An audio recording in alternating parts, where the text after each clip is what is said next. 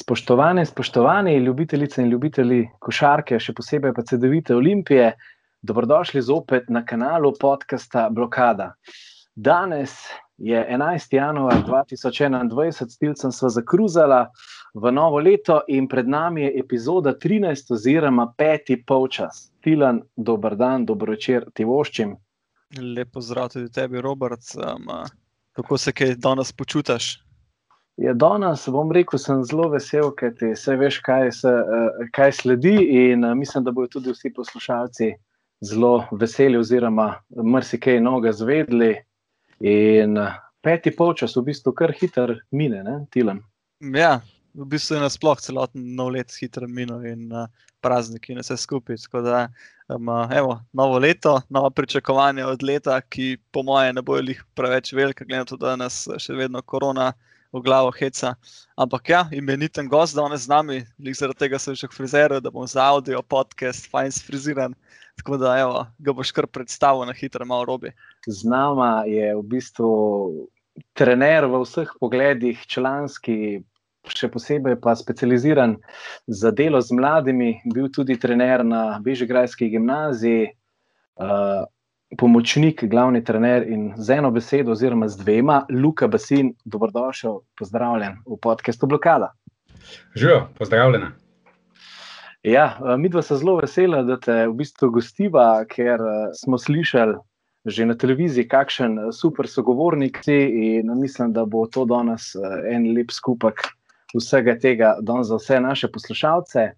Um, zdaj pa bom v bistvu še Uh, prvo sam povedal, ki ponovadi zmeraj vse poveva, kaj se bo dogajalo. Sicer naj gost bomo danes malce prekruzali, kar se bo dogajalo, uh, predvsem v vlogo, kakšna je vloga pomočnika in potem uh, delo z mladimi.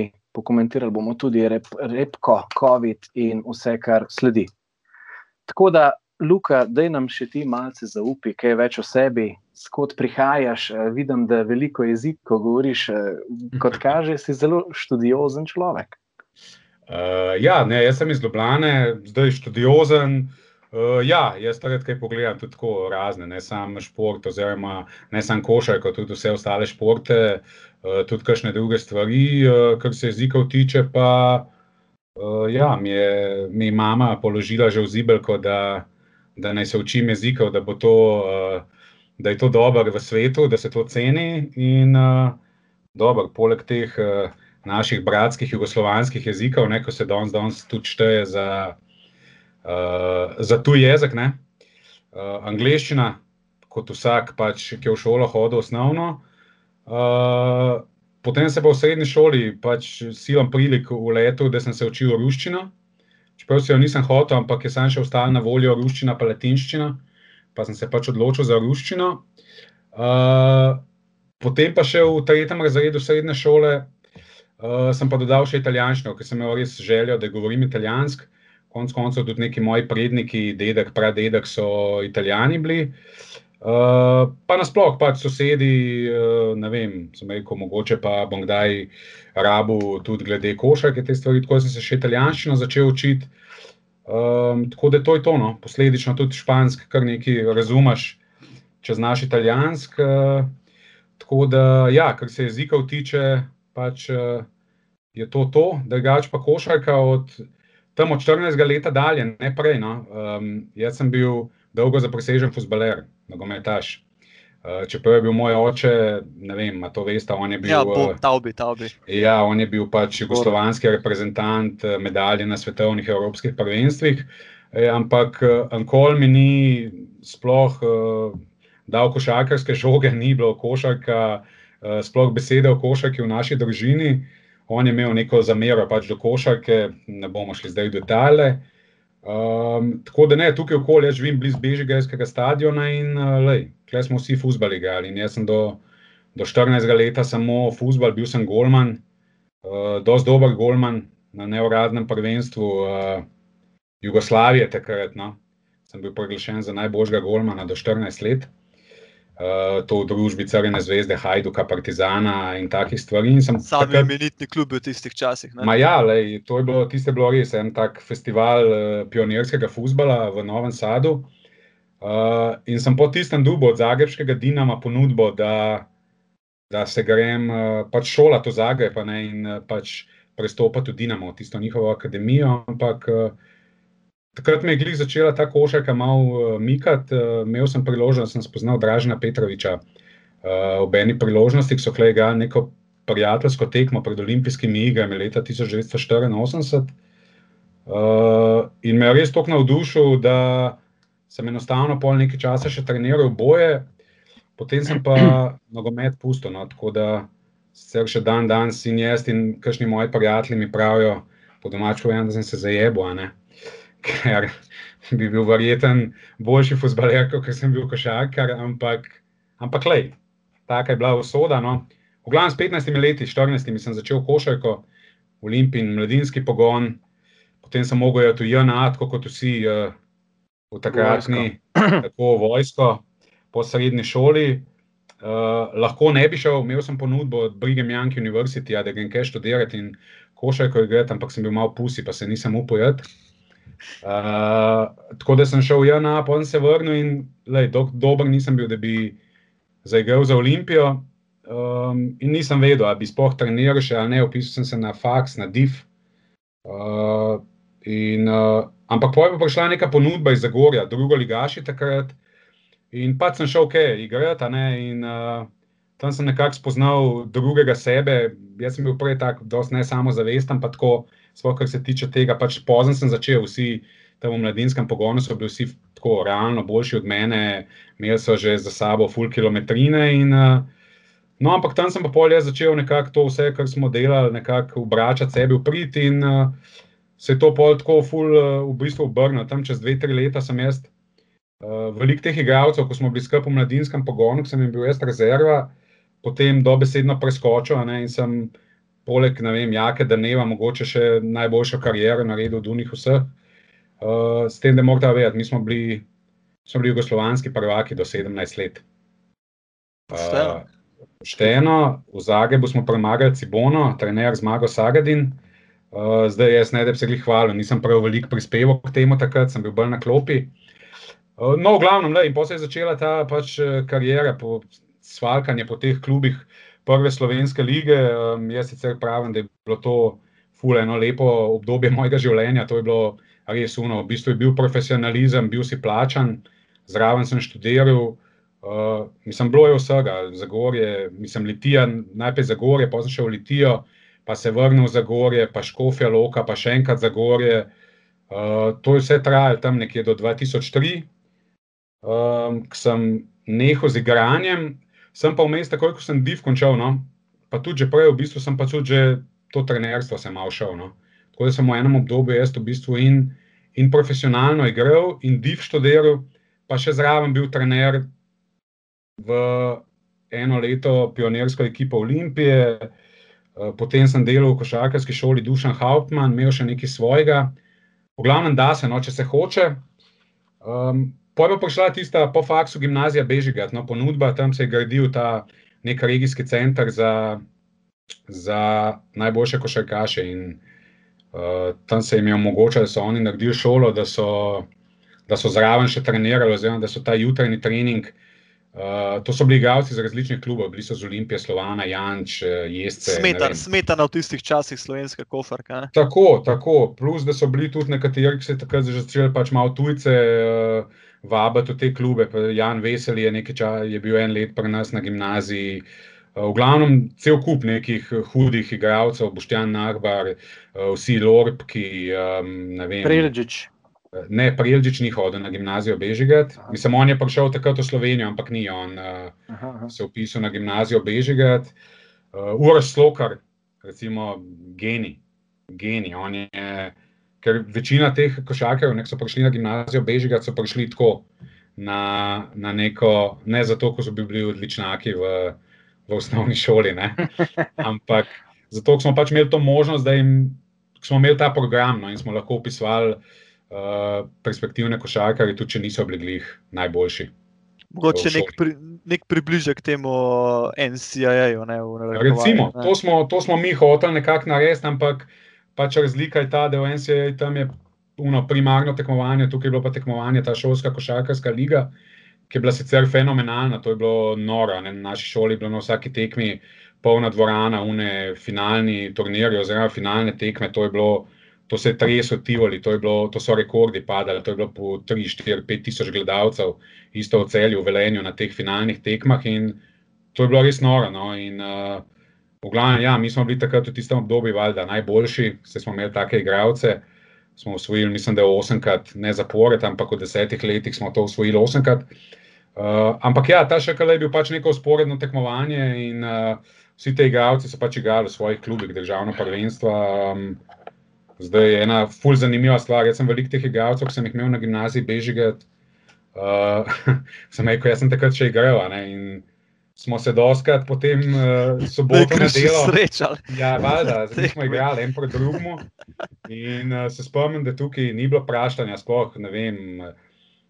Marko Antonijevič, če se ga spomnite, bil je zelo talentiran. Playmaker. Play, Olimpija, potem je šel v Krko igrati. Uh, on je bil sploh tako prgal, meni všeč, playmaker. Stari, on, me je, on me je tako žgal, ne, da smo se skoraj stepla na vsaki tekmi. Zanimivo, on je, on je zmeraj ta prvi začel, jaz dober človek, veš, uno, nam tam male tepo, tam malo. Več kriv, več tožena. Tako, on tam malo pa začel ščipati tepst. Uh, uh, tako da, ampak le, to vse v žaru borbe. Pa še en je bil tak, ne, sej, če bo tole poslušal, ga moramo pozdraviti. Uh, Jure Močnik, domžale. Uh, še zdaj se nasmejiva, zmeraj se srečava. No, tudi on je bil na gimnaziji Bežigat in z njim smo imeli kar uh, bitke.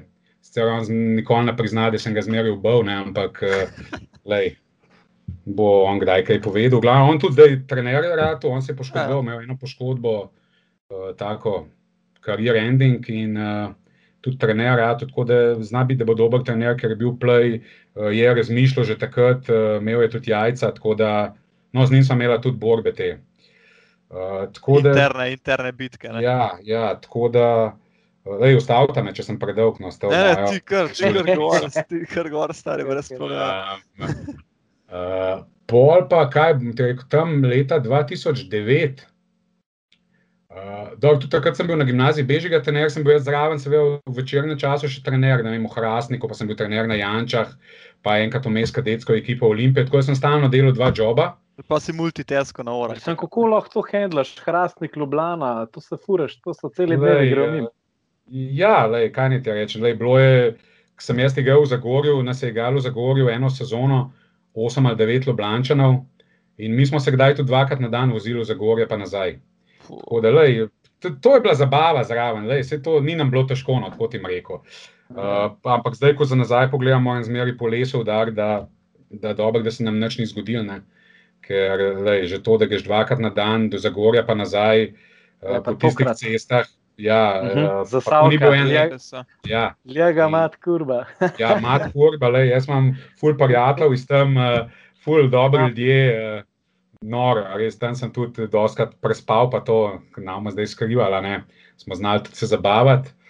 Uh, v glavnem sem leta 2009 sem pa dubo od Olimpije ponudbo, da prevzamem njihov mladinski pogon. Uh, ali je bilo to konec leta 2008, mislim, da je. Ja, Klele kaže, da je bilo 2005 prevzel v 16. Ja, to je bilo vmes, ko sem še delal na gimnaziji Bežige, ne še vmes. Uh, 2-7, head coach v 16, 2-7. Tako, da, to sem bil tudi, pa še na gimnaziji. Potem sem pustil gimnazijo, ker sem dobil ponudbo, da celoten mladinski pogon Olimpije. Hmm. Uh, to je pa 2-8, kot vidim. Okay, ja. je, je to, to. In pa sem se zmenil, meni tam na gimnaziji je bilo že malo dolg čas, Tudi vse, vse vrhunski del, pa vse, plus šef, ravnatelj, noro, dober. On je meni, prvi dan, ko sem jaz uh, prišel k njim, je uh, rekel, da vsakeč, ko ima prvaki, me bo, me bo poslal za 14 dni v Ameriko. Na, bodi si na neko tako turistično ekskurzijo ali pa strokovno, karkoli. In, in res je tega držal. No? Tako da jaz sem bil kar nekajkrat v Ameriki na taki pol turistični, pol strokovni ekskurziji.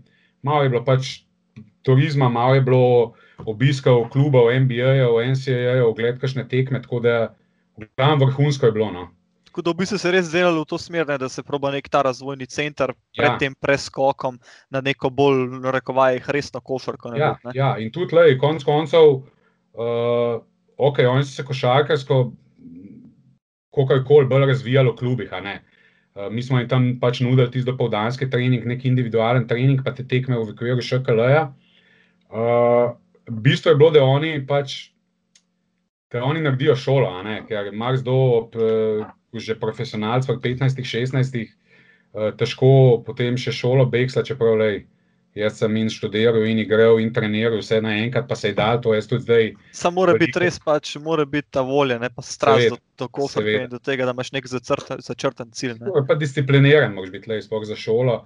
Uh, v glavnem, lej, uspeh je bil to, da so praktično vsi te fantje, uh, ne da so končali gimnazijo Bežigat, oni so pač uh, maturo naredili, ne, ko bi vprašanje, če bi jo, če bi bili na kakšni drugi na kakšni drugi šoli. Ne? Pri nas je šlo na roke. Um, tako da, uh, le, ampak Mark zdaj takrat rekel, ja, da jih puščate, ne? ampak ni bilo čistko, ne? mi smo jim pač ne jest, pač učitelji so jim omogočali. Da so inštrukcije delali, da so se javljali naprej, da so imeli določen, kdaj bojo vprašani. Uh, status. Le, ampak, status, klasičen, no, res vrhunski status. Le, ampak konec koncev si mogel narediti maturo. Ne? In vsi ti fanti so, so naredili maturo, vprašanje, če bi jo na drugi šoli. Uh, v glavnem, pa če šel. Ja, tudi, tudi, če tako gledaš, ne, v bistvu je bilo tudi nekako v centru države ne, in tudi izhodišča za druge klube, kjerkoli so že igrali. Ne, če ja. tako gledaš, še ni bilo lih, um, jim je šlo to na roko, da je bilo vse nekako pri roki. Ne. Ja, ja, tako. Vse, mi, predvsem pa smo to sodelovali največ z Olimpijo Slovanom in tudi njim je bilo potem lažje. Uh, ne vem, uh, Olimpija pripela tega, se ne vem, koliko je ta imena pomenila, Marino, uh, Marino Bursič. Uh, bil je dosta talentiran, uh, pa še par teh igralcev, ki so prišli vem, iz Cela, iz Maribora, uh, iz Kopra, ne vem, so prihajali v Olimpijo Slovan, ker so vedeli, da tukaj lahko potem uh, se šolajo na gimnaziji Bežige. Tako, tako. V glavnem, ja, in 2-8, no sem pa pol, uh, pač z ravnateljem, šefom mojim na gimnaziji Bežige, se zmenil, da je bilo tega dost. Uh, žal, tudi takrat, no, tudi takrat smo imeli še igrati, takrat je bil Luka Rupnik, je bil premen, Jan Špan je bil premen. Uh, kar nekaj no, teh igralcev so pol naredili, res velike, mi, mislim, lahko bi All Star naredili iz igralcev, ki so bili na gimnaziji Bežige, vse imamo še zdaj tam, mislim, imamo, oni imajo. Uh, ubešene drese so te igralci, potem ko so uspeli, so prispevali in visijo tam na, gimnaziji Bežigrad.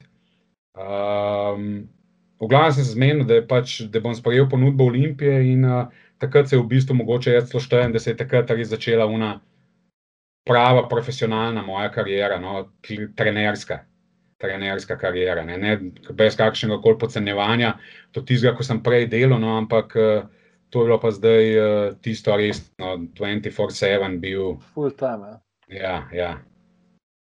Kakšen je bil ta občutek, ko si že rekel, da nisi bil tako dober, kot frkaš, um, da bi prišel v Olimpijo, ne? ampak vseeno nekako si potem prišel do te Olimpije na drug način. Kakšen je bil občutek v tistem momentu? Ne?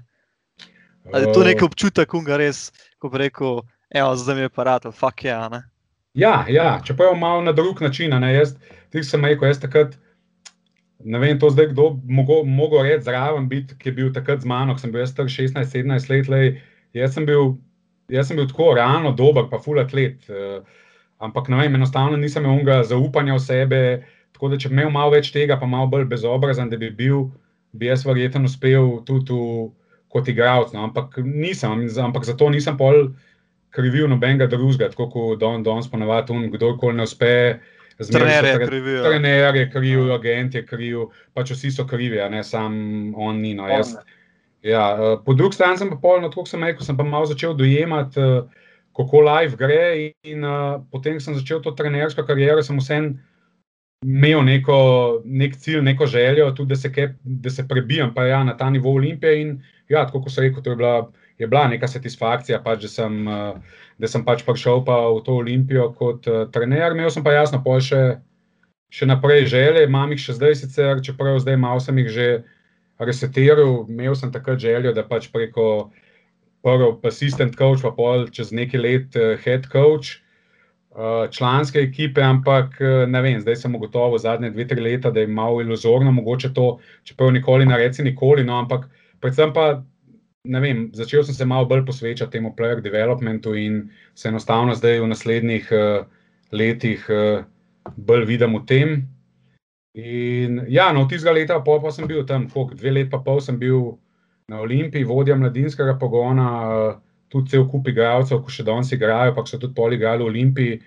Uh, smo naredili res, da nobenega unga superstara, ampak le, bili so to Jan Špan, Erjan Kastrati, Gezi Morina, ne vem, Bojan Radulovič, sprav vse igralci. Čančar je bil, ne, Čančar je, jaz nisem imel, Čančar je bil kasneje. Čančar je bil kasneje, ja, ker jaz sem bil tam dve let pa pol.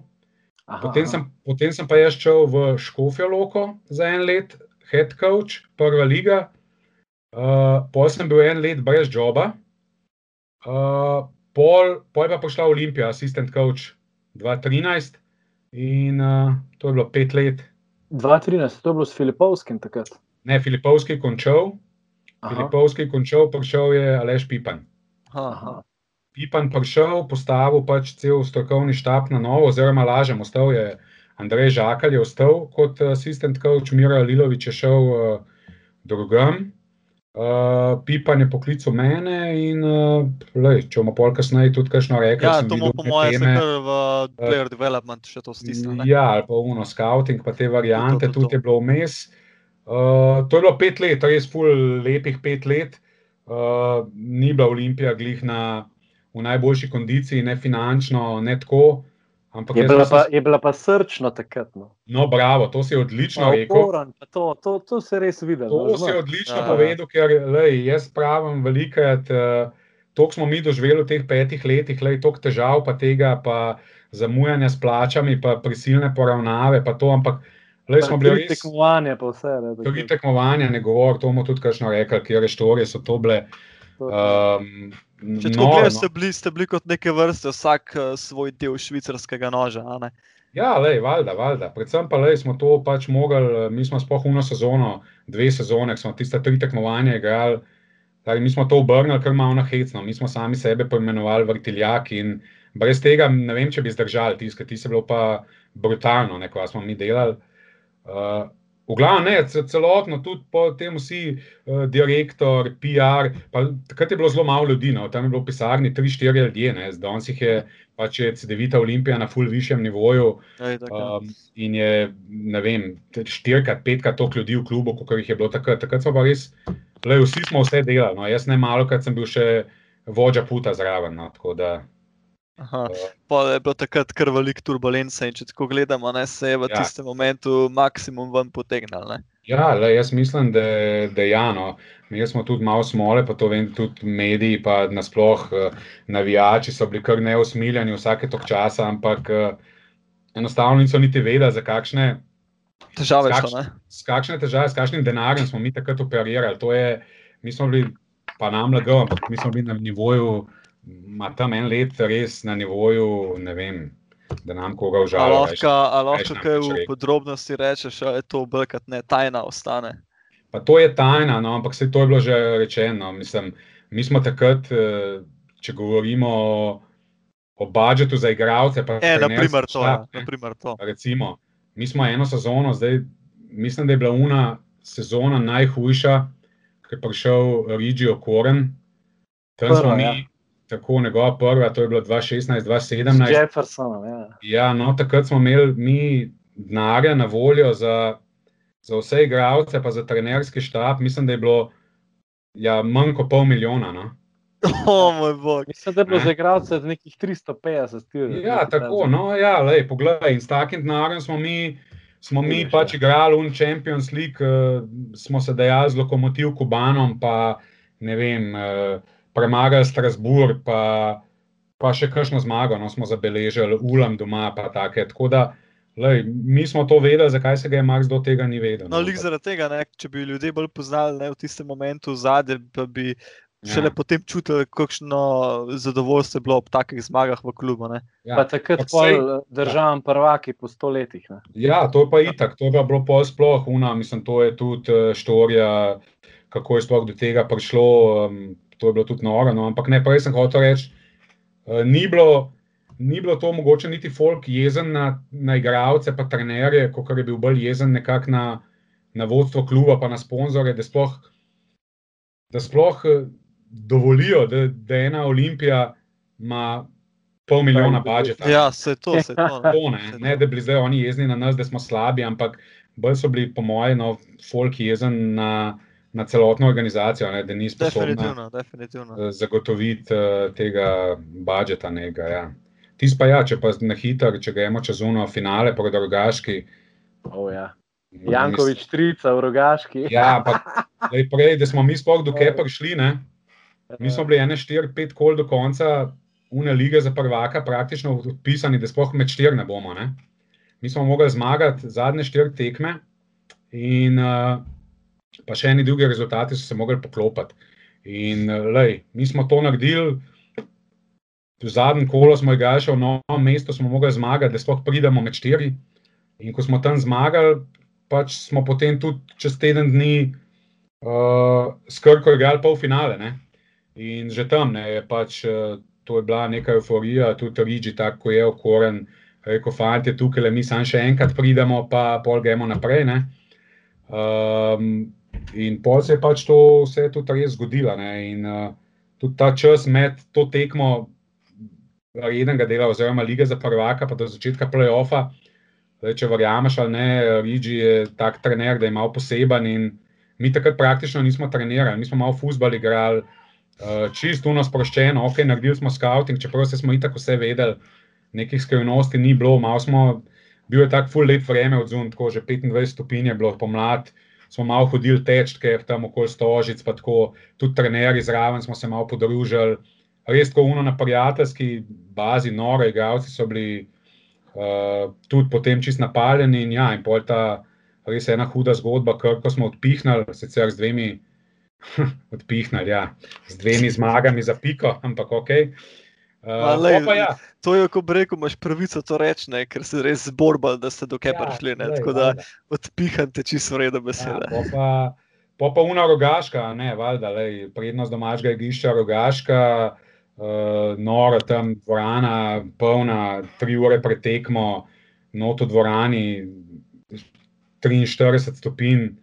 Uh, sonce sije čez okna, um, ne vem, pač eh, na koncu uh, prvo Jankovič za podaljšek, trojka, ja, ja, ja. ko jo ni nikoli v življenju zadev. Ne. ja, pa na crk, prvo hudo. Na ne. crk, suvereno, ne. pol smo se hecali, smo ta, da smo tako akcijo narisali v time auto. ne. Mislim, se akcija je bila res tako narisana, sam žoga ne bi smela do njega prijeti. ne. Um, po pa še v podaljšku, v bistvu so imeli oni napad za zmago, pa ne vem, zakaj so oni, ne vem, 10 sekund do konca so podali neko riskantno podajo, ne vem zakaj, še zdaj ne vem zakaj. Mi smo to žogo vzeli, šli v kontro in ga pač dala, ne, in smo zmagali. In uh, lej, tukaj je bilo potem samo še tisto potrditev, da, da, pa, da pa pač lej, da nam je pa usojen po vsem tem, kar smo preživeli, da smo, da smo prvaki, pol še v Ljubljani, Jefferson, uh, V Tivoliju je bil finale, Tivoliju, tako. pol rogaške je v Ljubljani. Ja. Ja, uh, Jefferson, uno, je egal rezultat, ne vem, do konca 10 sekund. Od eh, table v natrico. Ja, šel je, šel je uno, Favel izsiljevati, no, da bi, ja. Da bi izsilil Favel, pa da bi šel na penale. In ker pač sudija ni pisko Favla, je on pač mogel žogo na košvrš, ker bi drugače bili koraki. ja. In, eh, ja, in jo je dal pač od, od Table. koš, 2-0, poluno tretjo tekmo, sicer so nas tam premagali. Uh, ampak lej, mi smo takrat vedeli in rekli, da mi se ne vračamo več v rogaško. In pa je bila una, ful lepa, le zdaj le meni, kar tako kurja povc, se mi še Sede po koncu. naredi. Meni tudi res sem bil Še, tudi tam na, na YouTubu si kar veliko to gledam, tiste highlights, une tekme, ki je bila ne vem, po dolgem času tudi Tivoli skoraj poln, uh, se je ful navijal, uh, res je bilo tako eno ful zadoščenje, noro zadoščenje po vsem tistem, kar, kar smo preživeli um, in uh, smo pol tudi, ja, kar, kar ene, dva, tri dni, meni bilo doma, se mi zdi, tako da ne mene, vseh vseh. No, tako da, res smo bili ena taka full klapa, no, in z igralci, in z vsemi. In čeprav je bilo tudi vmes kar dost, kar enih incidentov, pa tako, ampak uh, lej, to je bilo vse del zgodbe. V glavnem, ja, to je, zdaj smo full zašli, ampak to je ta neka zgodba, moja trenerska. No. No, cool, super. Cool. Hvala, Luka, dragi poslušalci in drage poslušalke. Zdaj gremo pa v prvo četrtino. To je bilo samo vas. To je bil ugrevanje. okay. V glavnem, Luka, da povedal, v bistvu, kakšna je razlika med pač head coachem, ki v bistvu vsi vemo, kaj je. Ne? Zdaj pa vi, mislim, pač pomočniki trenerja, ki po mojem full dela od zadnje naredite, ki ga meni vidi. Um, kakšno vlogo imate, pa koliko se to ceni, konec koncev, tudi v samih trenerskih vodah? Bi še jaz nekaj dodal. Zdaj, če pogledam še svojega vidika, ne dobro vemo, ne v tistih časih, Sagadinovih, ne.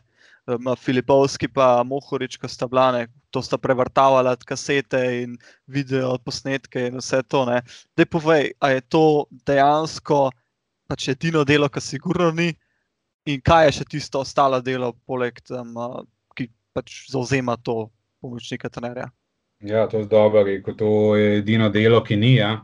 Uh, res, to je pač eno izmed, uh, eno izmed vseh, dosti pomembnih, čeprav za moje pojme, Ne, mogoče so komu slišali, ampak jaz mislim, da je ta scouting, priprava na tekmo, precenjen.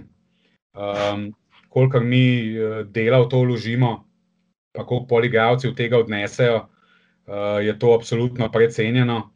Uh, tako da se tudi zavisi od coach, head coacha do head coacha, ne, kaj hoče. Eni hočejo 5-minuten scouting, eni hočejo 20-minuten, uh, čisto odvisno. No. Uh, zelo podobno je pa to, ko smo vprašali, kaj assistant coach dela. Eh, zelo odvisno, kdo, kdo je head coach. Zdaj, čisto ena una splošna, vam rekel, razlika največja, da je head coach pač ima ful večjo odgovornost, pa ful je pod večjim pritiskom, če neko razliko med head coachom in assistant coachom, medtem ko assistant coach ima pa ful več dela, um, res ful več neprespanih noči, le, ampak ni, ni unga, ne vem, zdaj pa pritiska, da se boš. Uh, zlomo, če oštekmo zgubo, ne bojo tebe, načeloma, jebali, po domač povedan. Uh, pač tukaj, to je neka razlika. Zdaj, uh, kaj pa delajo assistent coachi? Lej, v Sloveniji, načeloma, delajo vse. Ne? Zdaj, če je to ena, bom rekel. Um, V nekih ful dobro organiziranih klubih, bogatih, ne, imajo po, ne vem, head coach, po šest, sedem pomočnikov ali pa v MBA, vidiš tam od zadaj. Pač, yeah. Ja. uh, uh, prvo še to, no, ja, lej, odvisen je od head coacha, kva želi v tebe, oziroma kva, kaj hoče od tebe. Uh, pa koliko ti da nekako proste roke, oziroma koliko te cen, pa koliko ti zaupa. Jaz sem imel, uh, pa ne bom načel imenih, ampak imel sem head coache, ko so mi dobesedno ful zaupali, pa dal v roke, da sem celo kakšne treninge vodil, pa postavljal taktiko za tekme, pa do kavčev, ko verjetno tudi, če me ne bi bilo sploh opazil, ne bi menilo. Um, le, ampak če neka tista zlata sredina, uh, ja, assistant coach le, pripravlja skautinge. Pripravlja skautinge za naslednjega nasprotnika, ne? to je pod ena. Uh, po dva, uh, jaz, ko sem bil v Olimpiji, sem zelo veliko pripravljal tudi skautinge za tisti off-season, uh, kjer igravci so na voljo, kjer igravci bojo, bojo mogoče na trgu, kjer igravci bi bili nam denarno dosegljivi. To sem tudi stalno skoval, ampak to je, bilo, to je bilo pač bolj moje samo inicijativno. Uh, potem pa je tukaj trening, zdaj uh, assistant coach je tukaj načeloma, da pomaga, oziroma head coach mu ponavadi reče na začetku treninga, je ponavadi nek sestanek, kratek pred treningom in pravi, danes bomo delali to, pa to, pa to.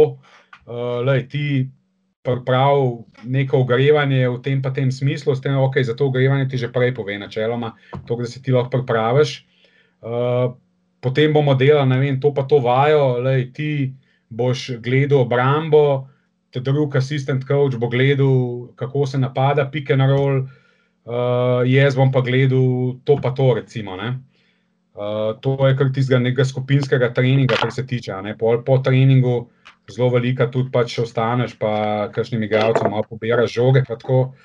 Uh, večjo vlogo, recimo, še večjo vlogo, recimo, imajo assistant coachi na dopoldanskih treningih, načeloma, uh, ker spet ali po nareku head coacha, ali pa ti da tudi proste roke, da ti pač delaš z njimi, uh, da ti delaš pač z njimi. Uh, neko individualno vadbo, šotira z njimi, učiš nekih stvari.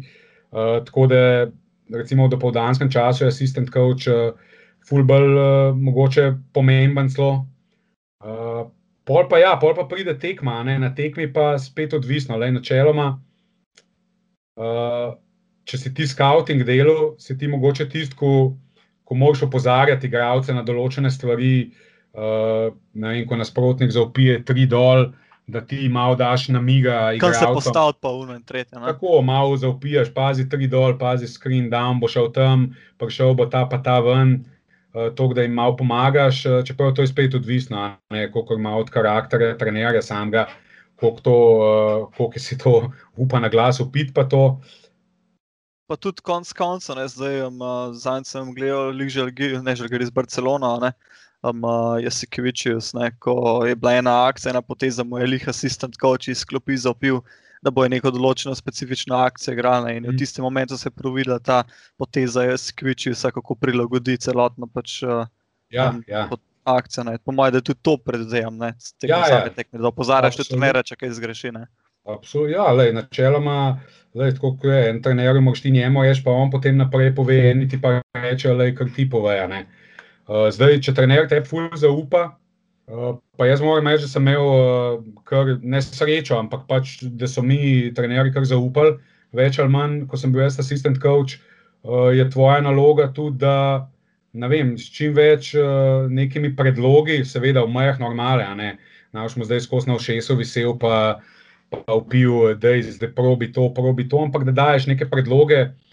Tokom tekme, ko vidiš, mogoče nekaj, da nekaj gre, ali pa nekaj ne gre, ali pa da je nasprotnik nekje šibak, tisti, recimo, ko nisi ti uh, prej v scoutingu zaznal, pa da videl na tekmi, da pač da mu podajes tudi te neke predloge, kako naj, uh, kako naj trener reagira. Pa je pa itak na koncu le trenerjeva, trenerjeva odločitev, ali bo to naredil ali ne bo naredil. In tudi za to odločitev pač bo on odgovarjal, ali je tebe poslušal ali te ni poslušal. Pač, uh, tako da, ja, no, to tako nekako. Um, Uh, zdaj tudi ta player development je bil večinoma na pomočnikih, več ali manj, no zdaj pa, um, kot se Devita Olimpija, gre v neki smeri evropske, evropskih trendov, v NBA je bilo to že full prej, v teh top euroligaških klubih tudi, no zdaj se je lanske let Devita odločila, da bo tudi pač mene zaposlila kot uh, player development coach, ko se bom pač ukvarjal samo, ne samo, ampak nekaj prioritetnega pretežno. Tako, pretežno neka primarna dejavnost, da mi bo to. Uh, da je gač pa ja, kot sem rekel, no, ta del assistant coach je približen to. Uh, je pa res Až... največ odvisen, uh, koliko head coach hoče, pa koliko ti zaupa, pa kaj ti dovoli. No. Uh, je kakšna razlika med prvim in drugim pomočnikom? Recimo, je to, kaj je rangiran, pa zdaj tudi ne vem, lahko, mislim, lahko uh, assistant coach sugerira za kakšno menjavo, pa da bi bilo priporočljivo. No. Ja, ja, valjda, to je lej, dobro, prvo, to, da ti gremo od zadaj. Se pravi, tudi to je ena od nalog, kot sem rekel, prej te na sveti, pa da kaj head coach poveš, pa le, jaz mislim, da je bilo dobro, da time out vzameš, ali pa da ima unga ven, pa da je tega noter, jaz mislim, da je ta vroč, ker le enostavno uh, en človek ne vidi vsega, ne zmeri, jaz pravim, tri ljudje ali pa pet ljudi, tri ljudje vidijo več kot en, pet ljudi več, več vidi kot tri. In uh, tukaj mora biti to neko zaupanje, neka dobra komunikacija.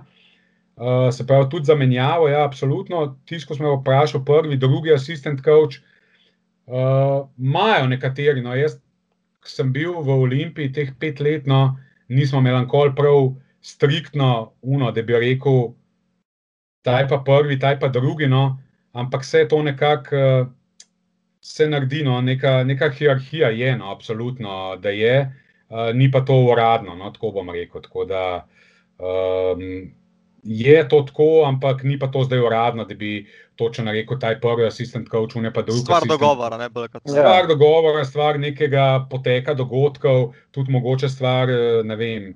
Izkušen, da je pač nekdo, ki je malo bolj izkušen, je pač prvi asistent coach, nekdo, ki je malo manj, je pač drugi asistent coach. Ne. Ampak tako uradno ne. Um, pa tudi tam, ko se nismo mi, asistent coach, smo zmeri ful dobro sodelovali med sabo. Res nikoli ni bilo nobenih uh, napetosti med assistent coachi, ko sicer jaz vem, da v kakšnih klubih je eno, uh, da se borijo assistent coachi za naklonjenost head coacha, pa se pol en drugega malo uh, malo polena pod noge mečeta. Jaz moram reči, že v petih letih sem bil z vsemi, ki so bili asistent coach, res imel ful dober odnos in uh, vse konc koncev tudi s head coachi. No, tako da v 80% primerih smo ful dobro sodelovali. Bi imel samo še eno vprašanje no, za konec prve četrtine? Uh, ker si prej rekel, da si pa zdaj na CD-viti za player development, a to v bistvu delaš samo individualno, ali si kdaj tudi prisoten pri treningih ekipe?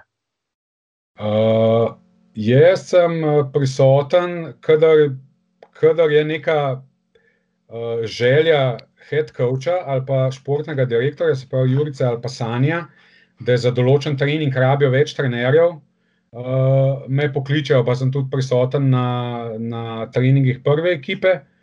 Uh, drugače pač to vlogo jaz upravljam, uh, glede na to, da delam in na Olimpiji in na Iliriji, ker je to nek projekt.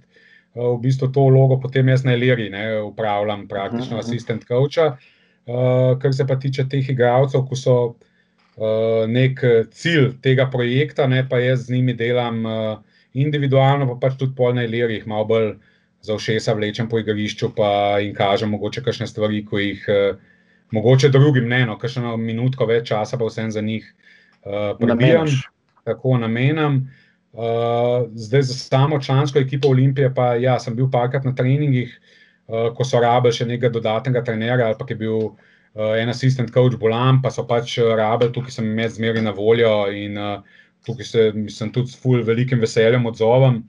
Tudi veliko grem pogledat, ne, če se treningi ne križajo z mojimi v, v Iliriji, recimo, grem tudi ful veliko pogledat njihove treninge, uh, sploh pa zdaj, no, ko se že skoraj tri mesece na Iliriji ne trenira, um, zaradi pač ukrepov vlade.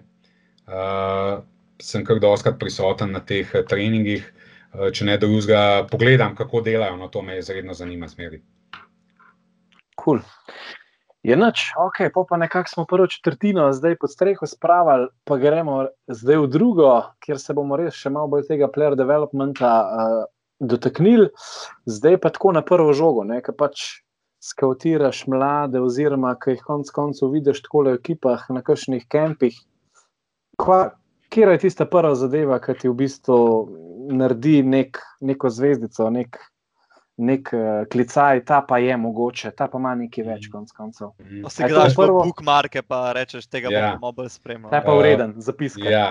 Lej, sicer moram ti prvo povedati, da uh, v tem trenutku jaz. Uh, Ne, une, ful mlade, da bi jaz nekaj gledal, 14-15 let, takrat, ko se nekaj upas na njih, uh, uh, ta player development, ko ga jaz zdaj trenutno delam, uh, se gre bolj za te igralce, ki so na prehodu v člansko kategorijo ali pa celo uh, članske igralce. No? Ampak sem imel tudi dosti izkušenj s tem, ko smo ti vprašali, um, le je absolutno, valjda, ne, sej upazaš višino, ne, kot prvo, da je nek fant uh, zelo visok, uh, če je zraven še. Um, Nabitven poln energije, pa uh, gibčen, rečemo, čeprav zdaj me kakšen profesor iz. Uh, Iz Difa za všesa povleko, ne, to so nam zmeraj govorili, gibčen, to ni nič. Se lahko tudi po, se lahko tudi po angliški, malo po pački, kaj što rečeš. Ne, ne, se odglavne. Uh, ne, to je bila fora, ko vem, da če se reko na Difu, da je nekdo gibčen, to je bilo, to je bilo hujško, ne vem, ker gibčen, to ni nič, to nič ne pomeni, ne. In ker sicer res ne po slovenskem pravopisu, ne, oziroma uh, Um, v glavnem pač, opaziš nekega fanta, ki je visok, ko je poln energije. Jaz pazim to energijo. No, prvo, ja, jasno pa, da, da je lažje opaziš nekoga, ki je visok, kot uh, ja. nekoga, ki je majhen, pač ki teh majhnih je uh, na tone. In velika se jim mogoče tudi dela neka krivica, ki se jih v bistvu ne opazi, samo zato, ker so majhni. Uh, veliko prej in potem se ful več vlaga v te visoke fante se tukaj v bistvu tudi nekaj si rekel, da se teh mehkih ne opasne, da je ta problematika. Ne? Enkrat zadnji sem bral ta procent, koliko je teh košarkarjev ameriških, ko naredijo dejansko prehod na te univerze, boljše, ne? pa tudi potem potencialno tudi v MBA. Ker dejansko velikrat moraš biti res sreča, da padeš v tisti žaromet, da te ljudje vidijo. Ne? Ja, ja, ja. Uh, sej, ja lej, dej, ti najprej opaziš, no, je tisto, kar sem rekel. Lepo je pa toliko enih faktorjev, ko ko, ko začneš spoznavati tega igralca, ne od tega, kakšno energijo ima, je ne vem, kakšen je karakter. Ne. Zelo veliko so te mladi fanti, tako malo uh, bojazljivi, niso prav samozavestni, preveč ponavadi. Um, mnogi mislijo, ne vem, zdaj na pamet, ko pride, ne vem, kot 15-16 letnik v Olimpijo ali pa kam drugam, se nima veze. Uh, velikih misli, da, da je to pa zdaj to, in njihovi starši mislijo, in agenti, in vsi, ne, zdaj pa to, to, zdaj pa moje, pa uspeva. Ne. In uh, jaz vsakmu povem, pa sem imel veliko dela s takimi, uh, lej, ko si 16 let star, pa prestopiš v en velik klub, si naredil, ne vem, 5 posto dela, pa nič več. Um, zato, ker ravno to je pol težava, ne? ker velikih misli, da je to to in uh, nehajo delati, mislijo, da bo vse samo od sebe prišlo, uh, v bistvu se pa takrat začne šele vse. Samo neko, dajo ti samo neko urodje, ne, da ti lahko to še bolj na svoj to. talent nadgradiš.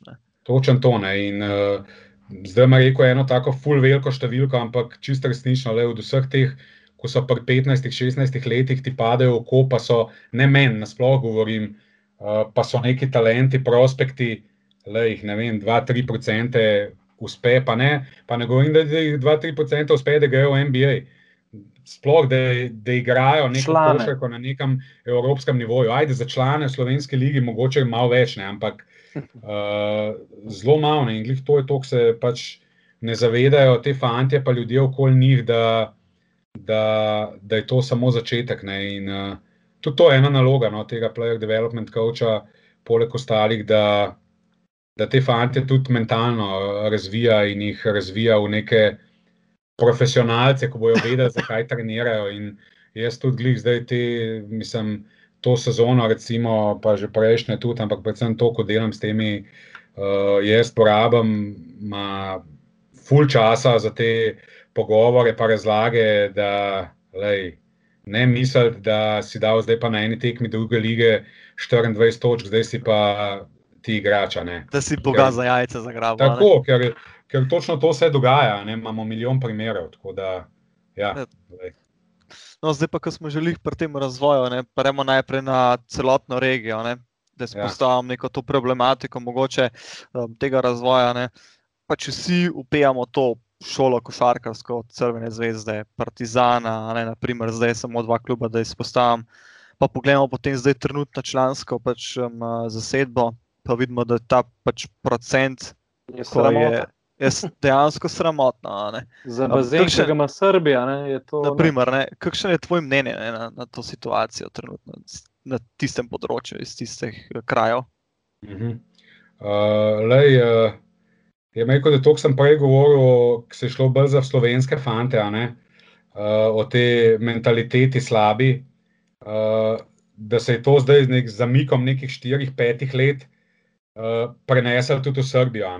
Kakorkoli pač v Sloveniji smo pač le neka družba, ko smo pač bili par let pred temi nekimi državami, ne se nam zdaj nič narobe reko, ne, ampak uh, uh, zdaj se nekako tudi te države nekako so začele bolj razvijati, tako urbano pa to in tako je tukaj prisotnost tega, da ni več, da enostavno ni več toliko materijala, kot ga je bilo.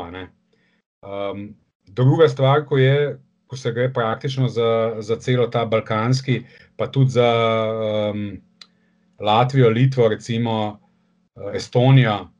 Uh, dobesedno vsak, ko je dober, pri 15-16 letih, gre v Španijo. Uh, gre v Španijo, gre v Nemčijo, gre potem v Ameriko. Uh, zelo malo, malo fantov. Uh, pač, uh, Hoče da ti spomnim grind, ne, ko so ga včasih pošali, kar je pač imel. Tako, ja, zelo, to, tako da res gre vse in tam spet, ne, tam zelo malih uspenov, oziroma enak procent kot tukaj, ne, tako da uh, tukaj je ta težava. Zdaj, zakaj pa ne igrajo, recimo v nekih ekipah, zelo malo teh mladih vidimo, v bistvu mladi igrajo praktično sam, samo v ekipah, ko so obobožane, no, bomo rekel, če se ga kdo izrazi. Ja, ja. pač, pač realna situacija, ne pa nekaj, kar imamo od Sibona. Recimo, ne, tako, ko nimajo za to, da kupijo igralce boljše, pač potem nekako na silo, oziroma pa zasluženo pač porivajo uh, mlade v prvi pogon. Um, to je taka, no, fulj zapletena tematika, o tem se lahko pogovarjali. Ja. Deset ljudi, scena, pa to. ne. deset ljudi, pa bi se pogovarjali dva dni lahko o tem, pa bi se strinjali, pa se ne bi strinjali. Pa Um, bil na koncu itek na začetku spet. Itak bi bili na koncu, na začetku, no, hotel sem reči samo to, da ko si enkrat v tem not, recimo, um, pol vidiš v bistvu, da, je- da je malo drugače, kot ljudje, recimo, od zun vidite. Ne? Da ni to tako na izja, ne, ker vem, se vem, ne, pač ljudje od zun več ali manj krivijo stroko trenerja, ne, da ni mladih. Dejstvo, sej nisem Ja, našel. samo se dejansko ni nekega materiala, konc koncev. No, pa še Pa ta odnos, zdaj govorim, ne. konc koncev, je Vse tudi skupaj, problematičen. Plus da, plus, da vsi te klubi, ko si jih omenil, pa konec koncev še veliko drugih, a ne, Ja, itek. Ja, pač. um, so ful odvisni od rezultata. a ne, In Ja, ti si sej. ful je težko prvoščaš, da zdaj ti boš, da boš ti zdaj nekaj razvil, ful mlade, a zraven boš zgubljal. Kar pa verjetno boš, ne. Ni bilo dosti primerov, da si ti in mlade potiskal v prvi plan, pa še, pa še zmagoval. ne. Zdaj, ko neki delajo primerjave, ja, pa Sagadinova Olimpija, vsaka jim čast, oni so naredili vrhunsko, ampak pazi, mladi danes so 18 let stari, ne. Zdaj pa ti meni povej, kdo je pa 18 let star v Sagadinovi Olimpiji.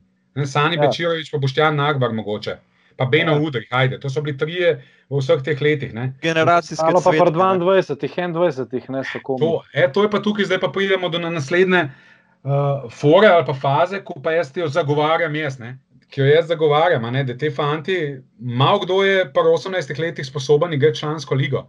Ne da, ne da bo dajal nek doprinos v CD-viti Olimpiji, recimo, ali pa v Partizanu, ali pa v Zvezdi. Ampak sploh, da, da na treningu lahko sledi vsemu.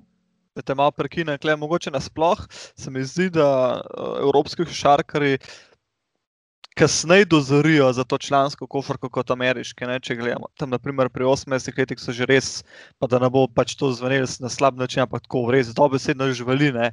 Pod košem. Ja, Ne? fizi, fizika. Ja, je res, prevlada kako, naprimer, sploh pri, naprimer, pri Olimpiji tudi pogledaš, pa potem Dragiča, kako kakš, pri kakšnih letih je on potem dozorel v tazga, ta pravega košarkara, ne, kar res lahko rečeš, da ima nekako na hrbtu ekipo. Ne, tudi. Ja, ja. In, ja, in to je to. No. Jaz verjamem, da je to prehmalo, da ti pa v 18 letih nekoga, lej, ni, ni Luke Dončiča, ki je bil pri 16, ki je zgledal 30 str, pa razmišljal kot 45, kot jaz danes.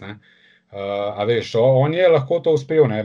malo je takih. Ne. In to jaz govorim, da je treba s temi fanti ustrajati, malo dol, odločiti se za enega, dva, tri in jih pustiti, ok, poso, posoditi jih nekam, ampak imeti pod nadzorom. In bojo, ko bojo stari 21, 22 let prišli na ta nivo, da jih boš pa lahko ti vključeval v, v recimo v Olimpijo, CD-vito ali pa v Partizan ali pa ne vem, kamorkoli. Se pravi, 18 let je večinoma, za veliko večino fantov prezgodi. Enostavno ne morejo, pa ne na tekmah, na treningih ne morejo sodelovati. Ja, lih iz tega vidika mi ta projekt, naprimer Olimpija pa Ilirija, ne, tukaj so sami plusi. Ne. In zdaj, če nam lahko tudi dodatno poveš, kako naj bi ta proces dejansko potekal v prihodnosti, tudi, ne, kaj lahko pričakujemo nekako od tega, Ja, v tem sodelovanju. Ne.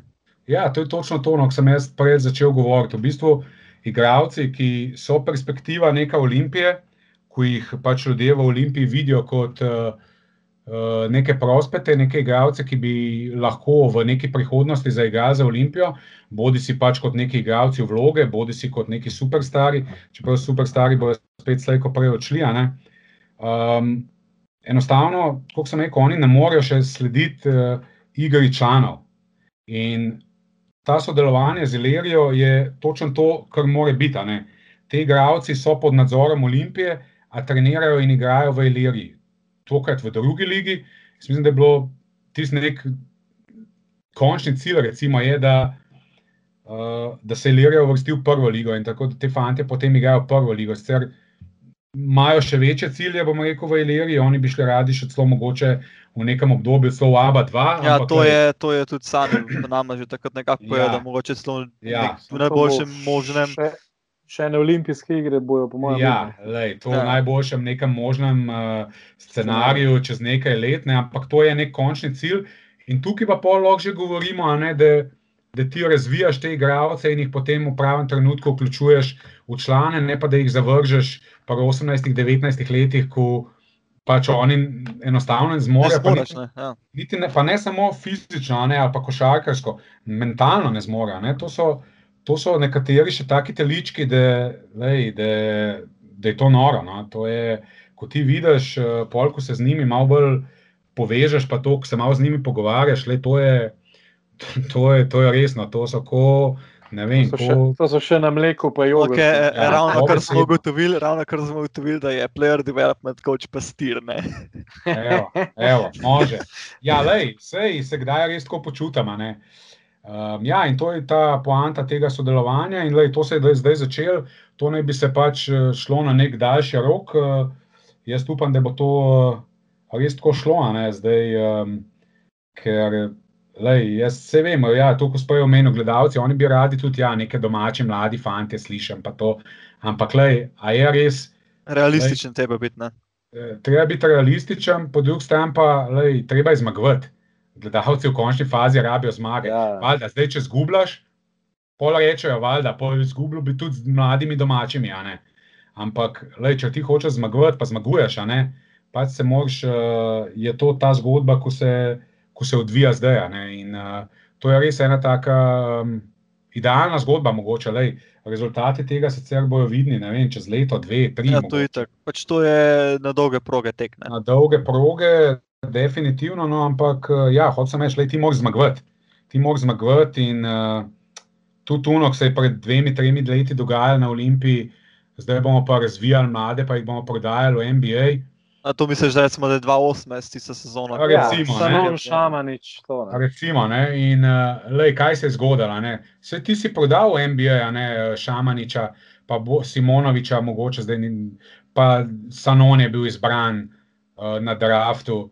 Ampak v končni fazi, ok, ti si nek denar, mogoče dubo od odškodnin, ampak je pa trpela, trpela cela Olimpija zaradi tega. In, in zaradi tega ti v bistvu v stolcah pred praznim tribunom. Pa, e, točno to, to sem jaz Zaradi tega je v bistvu ABA 2 padla. Ne, v bistvu. Pa, e, eto, vidiš, točno to sem jaz velikokrat govoril ljudem, ko so se to šli, a ne, pa sem bil pa.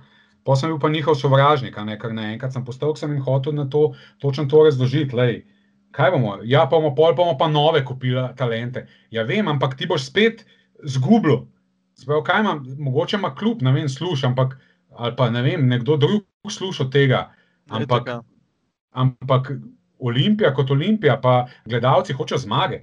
Ja, verjeten- točno to, pa je to lahko Eurocup ali pa Euroliga, ker zdaj nekateri upevajo, naprimer, da mora biti nujno Euroliga. Ne? A, ja. Jaz mislim, da klesa gre predvsem za to, da so zmage. Če bo, ja. naprimer, Eurocup se špilo, bo pač folk na Eurocup hodil, samo da bojo zmage. Ne? Seveda, le, kdo ve, oziroma kdo je slavil, da, da je Olimpija Šamaniča prodala v NBA.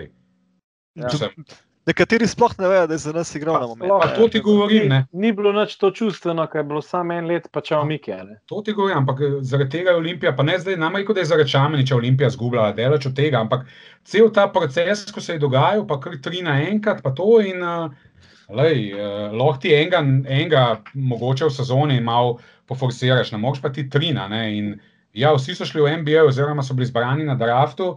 Uh, ampak, uh, lej, Olimpija pa ni imela od tega nič, razen mogoče par tisoč evrov, uh, ko pa kaj. Jih bo spet uložil v mlade, pa bo spet zgubil. Ne, ne gre to tako. No. V bistvu se je šla takrat na Olimpijo, tisto, ker se nekako bi mogla iti nekako v Ilirija, recimo, ne, nekako med Ja, besedami. recimo, ne, recimo, da polk bo nek ta nivo, da bo Ilirija teoretično v prvi ligi ali pa celo v Odskočna ABA deska, no. Ligi. Ja. Boš pa lahko take igralce v bistvu dal, ko bojo pač mogli tam se, tam se dokazovati. ja. No, se pri na- pri nam je lih v Sloveniji ta problem, ker so zdaj te klubi pa malo stagnirajo, da pač nimamo nekih teh prehodnih klubov. Ne. Ja, ja, to je dejstvo. Da obstaja ABA 2 ligo, ABA 2 ligo špila, ne, kle dejansko neka konstanta sta od, od, od zadaj, razen Krke, Sanše, Rogaška pa Heliosa, ne. Ja, pa tudi Rogaška je letos uh, Ja. ja. ni. ne. Helios v bistvu edini še ostal, uh, Koper propadel, Krka, taka, kakršna je, vsaka je čast, igra in to odlično igra to ABA ligo. Ja, res je. Ja, res je. Um, sicer zmeri malo neambiciozno, tako ne vem, ali bi lahko bolj ambiciozni ali ne. ne Mi vem, dva, ampak- mi dva nisva lih klela pristašen Zuloviča, to kar poveva. A dobro, glej, uh, Ne, mogoče, jaz, ampak lej, rezultat letos ima vrhunski, a ne, tako da. top, top. Lej, to, ja.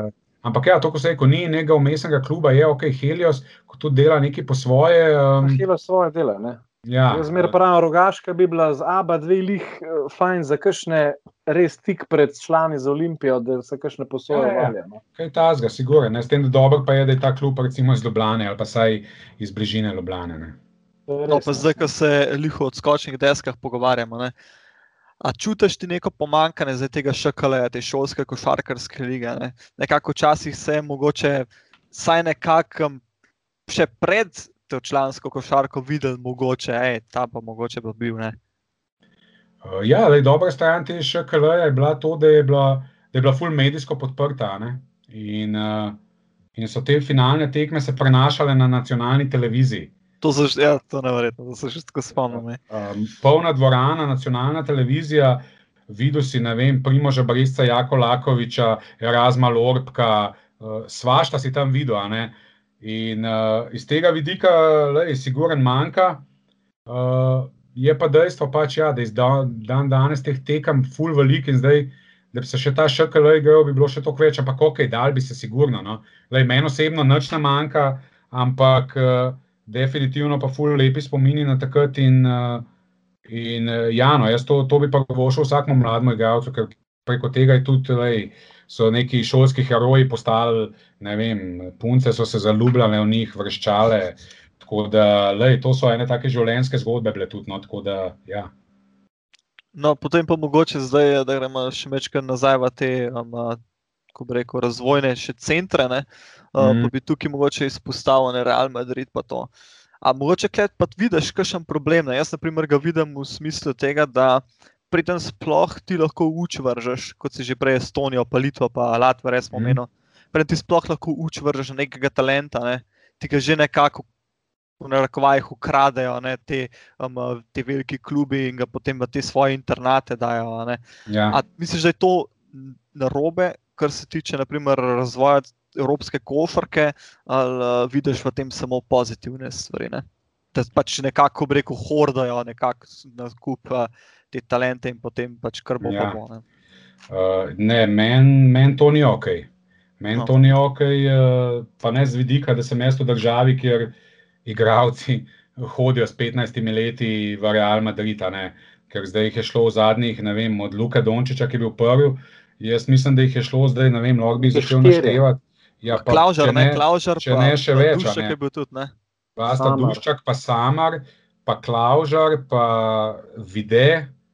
No, Tudi Ja, videi iz Domžal.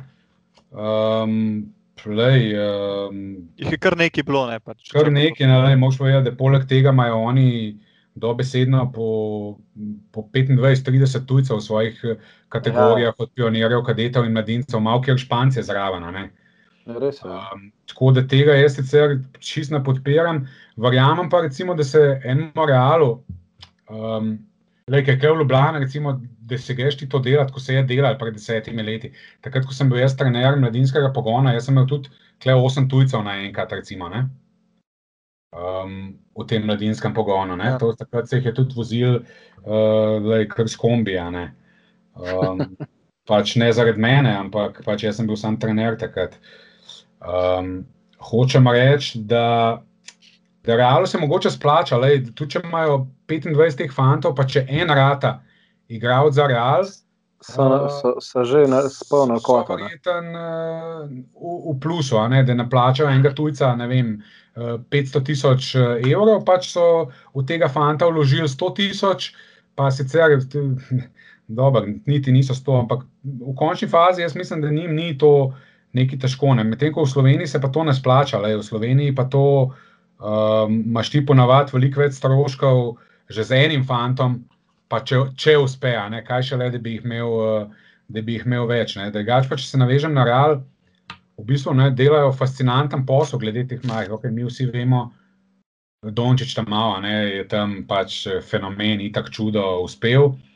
Uh, pred njim Mirotič, Ja. ampak oni še zmeraj, kljub temu, da so pač prvaki Eurolige bili, pa prvaki Španije, pa svašta osvajajo, oni še zmeraj uspejo vsak let praktično kakšnega mladega Purint naprej. Ne. Porin, zdaj čist do unga, full top nivoja, a ne. Uh, oni imajo, dajo šanso, no, tem pa je bil Naki član skled, pa, pa še jih je bilo, ne, pa Ja, Leto Garuba. Sen Center. Ja, ja, Garuba, Osman Garuba. Garuba, Garuba, ja. On je tudi že lanskrat igral, uh, tudi letos, recimo, on je ta naslednji, recimo, ko je, ta, ko je projekt uspel. a ne. Ampak mi pa ne vidimo ostalih uh, 19, ko pa ne uspejo in se vrnejo potem domov, ali pa kakšni pač odigrajo, mogoče pol tam po Španiji. pa Vace bojo, ja, pa se potem svaka po tistih Dobro, vse le, če v ACB prideš vsak Ja, ja, itak. čas, ampak malo kdo, malo kdo pride v ACB, večina jih gre pač domov nazaj in igrajo domače lige, bodi si v Estoniji, Latviji, Sloveniji, uh, kjerkoli. tako da, Ampak ja, le, oni vsaj uspejo uh, vsake tok časa te mlade igralce, pač probajo jih priključiti. No. Zdaj, enkrat bolj uspešno, enkrat manj. Zdaj, le, mislim, da je Jasikevičev v zadnjem obdobju v Barceloni, uh, da je v zadnjih 14 dneh kar vključil ene tri, tri mladince v prvo ekipo celo in dal neke priložnosti v španskem prvenstvu. No. Lej, ampak, ampak to je spet to, ne. Priložnost pa dobiš, pa odigraš par minut, je neki, da pa ti poligralec postaneš, pa čez nekaj drugega. Ne če se spomnite, jaz sem bil takrat, to je bilo tudi iz mojega tega pogona mladinskega Mirza Sarajlija. ne. Ja, ja, ja, ja. Da je človek je bil star 17 let, ko ga je Džile potegnil uh, v člansko ekipo in, mu, in ga dal v Euroligi. Babyface. Ja, in ga je dal v Euroligi igrati, in, in, uh, in je dal 13 pik na prvi tekmi v Euroligi. Mislim, da je Albi iz Berlina, če se ne motim. Uh, le, ampak pa ni tudi približen postal vrhunski igralec. ja pomoč, kar je da malo. v- Ja, v- lej, eh, lej, zdaj je spet, kdo je on kriv ali kdo drug, se nima veze, ampak hočem reči, da nekaj je tisto, da ti dobivaš šanse, drugo je pa pol, da se pač razvijaš. Ja, mi moramo tukaj gledati, kdo se je res razvil, nekoga, ko, je, ko se je razvil, da je bil pol na tem nivoju konstantno, ne samo kdo je šanso dobil. No, pa zdaj, um, da ostanemo še pri teh um, slovencih v tujini, naprimer, ne, um, da gremo še v ta NCAA, ima v Ameriko čez lužo, um, ki spremljaš to ameriško ligo, um, NCAA. Spremljam, sicer moram reči, da me včasih veliko bolj. Uh, spremljam ponavadi uh, pol, ko se začne playoff, no, ta March Madness. Tisti uh, tist spremljam, lanskega ga ni bilo, valjda, tako kot po celem svetu, Ja, ja, ni bilo. Um, ampak ja, ponavadi malo spremljam, no že zdaj, ampak večinoma pa začnem spremljati pol, ko se, ko se začne ta playoff, March Madness, se pravi teh 64, oziroma zdaj že razširjen na 68, mislim. Uh, začnem te, te stvari spremljati. Um, ja, vem, da mm, neki slovencev igra Ja, sicer. Kunc ampak- pa Kraljevič dele, ne. Ja, Pač Kraljevič Se nekako neki- delno naš je tudi Luka Garza, ne. Pa Kava še bil tudi, ne. Ja, Luka Garza, zanimiva zgodba. To tudi jaz sem zvedel, da To, je. to bomo se tudi pogovarjali o tem, ne, Aha, če te okej, prekinem. Um, da te najprej v bistvu vprašam za ta tvoj mnenje. Ne? Ko veliko teh um, košarkarjev pride naprimer v Evropo, a ne, iz NCA, a ne, pa mislijo, kot smo že prej rekli, da so pač bogat za jajce zagrabili. Kako vidiš ti ta preskok ne, iz te, um, tega college basketbola na ta to člansko um, košarko? Ne? Mm. Uh, lej, preskok iz NCAA, direkt v nek uh, Euroliga, Eurocup, tudi Champions League, klub mogoče, je zelo težak in uh, ful velikat uh, neuspešen. Ne? Zdaj ti američani, ko prihajajo ruki prvi let v, v, v Evropo, največkrat ne vejo, sploh kam prihajajo. Um, oni res mislijo to, ko so rekel, da, da bodo zdaj, kaj- kamorkoli bodo prišli, da bodo cari, ker so oni pač američani. Uh, pa se pa, pač soočajo z realnostjo in vidijo, da to ni tako. Malo kdo uspe že v prvem letu. Ne? In zdaj, uh, včasih sem bil jaz asistent coach na Olimpiji, spomniš, kakšnega rukija, da je bil v Olimpiji. Kadarkoli. Ja, ne, ja, zato. Ja. ja, ne, mislim, v teh letih sem bil jaz tam, ne, od upal. 2013 do 2018. Ne, ni upal, sploh jih nismo načeloma gledali, ne. z izjemo enega, kot ga je pol omenil, uh, ene par zanimivosti, ki ti bom povedal, enega pa smo gledali, ampak pač pol ni prišel, um, ki je pol postal vrhunski igralec. Um, ni ta prehod, lej, uh, je, je pa druga stvar, da pa, uh, je pa absolutno potrebno vse te igralce spremljati po teh ligah, ko igrajo, ne vem, mačarski, polski, Ja. Uh, tudi avstrijski, konc koncev, uh, grški, Izrael, to je, to, to je obljubljena država, dobesedno. Ne? V Izraelu je toliko teh rukijev, ko pridejo in vsak let jih je kar nekaj, ko potem se uspejo katapultirati na višji nivo, pa čez dve, tri leta potem pridejo do Eurolige, mogoče so. Ne? Ampak prvi let pa izredno težko, res se ne spomnim, kakšnega rukija, da bi že v prvem letu naredil kaj posebnega v Evropi. Enostavno. um, Ja, meni Da. je ta le delo na prvo pade, ta Nigel William Gonsa. ne. Meni se zdi, šel okay. Partizan kot Ja. drugi, Ja. pa je kar spelo. No? Ja, se pravi, vsake toliko časa uh, so kakšni, no, ampak uh, tako sem ti po pravici povem, lej, mi um, smo jih spremljali, ampak niti slučajno, ampak niti slučajno nismo nikoli hoteli vzeti uh, vzeti kakšnega rukija. Enostavno prevelik, prevelik riziko je, ker tisto, kar je on pokazal v NCAA-ju ali pa tudi pol na kakšnih teh draft kombajnih, pa summer ligih, pa to, to je, ne moreš na podlagi tega delati nekih zaključkov, ker to je drugačno okolje, drugačna košarka se igra, um, večinoma niso še zreli. Se pa pol v letu dveh, ne tisti, ki pravi, dozorijo in pokažejo, kaj znajo, in pol pa je zelo velik tisti, ki ostanejo, ki preživijo prvi let, so pa pol izredno zanimivi, ratejo za naslednja leta. no. Tak, pri teh pol tudi vidiš, da tako mentalno močni tudi karakterno močni. ne. Ja. Točno to. Lej, če on preživel ta prvi leto v Evropi, ko mu nič ni jasen, ponavadi, um, lej, pa če ima neko košarkarsko znanje, potem ga gradi, pa če je priden, discipliniran, lej, uh, se, se pa potem že jih vključuje, recimo v drugi, tretji sezoni, tudi v, v večje ekipe. Prej pa težko, res težko, da nek rok iz NCAA. Uh, pride, prej si pač omenil neki krampla. Ja, on je dobesedno tudi v bistvu roki bil, a ne kako je kako. Ja, ja, na In, članski eh, ravni. ne. Ja, in lahko je ok, on ni bil američan, on je bil slovenc, ampak je bil tam toliko časa, da je praktično ga lahko štejemo po te NCAA variante, ne glede na to, da je bil slovenc. In, uh, lej, težko je uspeti prvo sezono iz NCAA v Evropi v nekem večjem klubu. No. Evo, sploh, če so nekako pričakovanja od igralca pač toliko večja. ne. Seveda, Ja. seveda, zato pa to lažje, ne vem, v nekih manjših klubih, kot sem rekel, na Polskem, Izraelu, ne vem, nekje v Nemčiji. V Nemčiji sicer, evo, Nemčija pa je mogoče država, ko, ko pa Ja. ja. mogoče največ teh rukijev uspe že v prvem letu. No. Druga Ja. ja. Amerika, v bistvu, ne se Ja, ja, čist ja. ja. liga ameriška, konc Mhm. koncev. ne. Točno to, točno to. Pa da še mečkaj v Ameriki ustanejo, sigurno si zasledil, pa je bilo, mislim, da je bilo letošnjo, pred začetkom let, lanske sezone, ki je G-League ima najavo nek nov ta development program. Ne. Mhm. Ko tako, mislim, da iz high schoola pridejo košarkarji pod pogodbo Mhm. z G-League ekipo in nekako so tem ukrepom probali zapreti ta pretok um, teh košarkarjev v Evropo. Ne.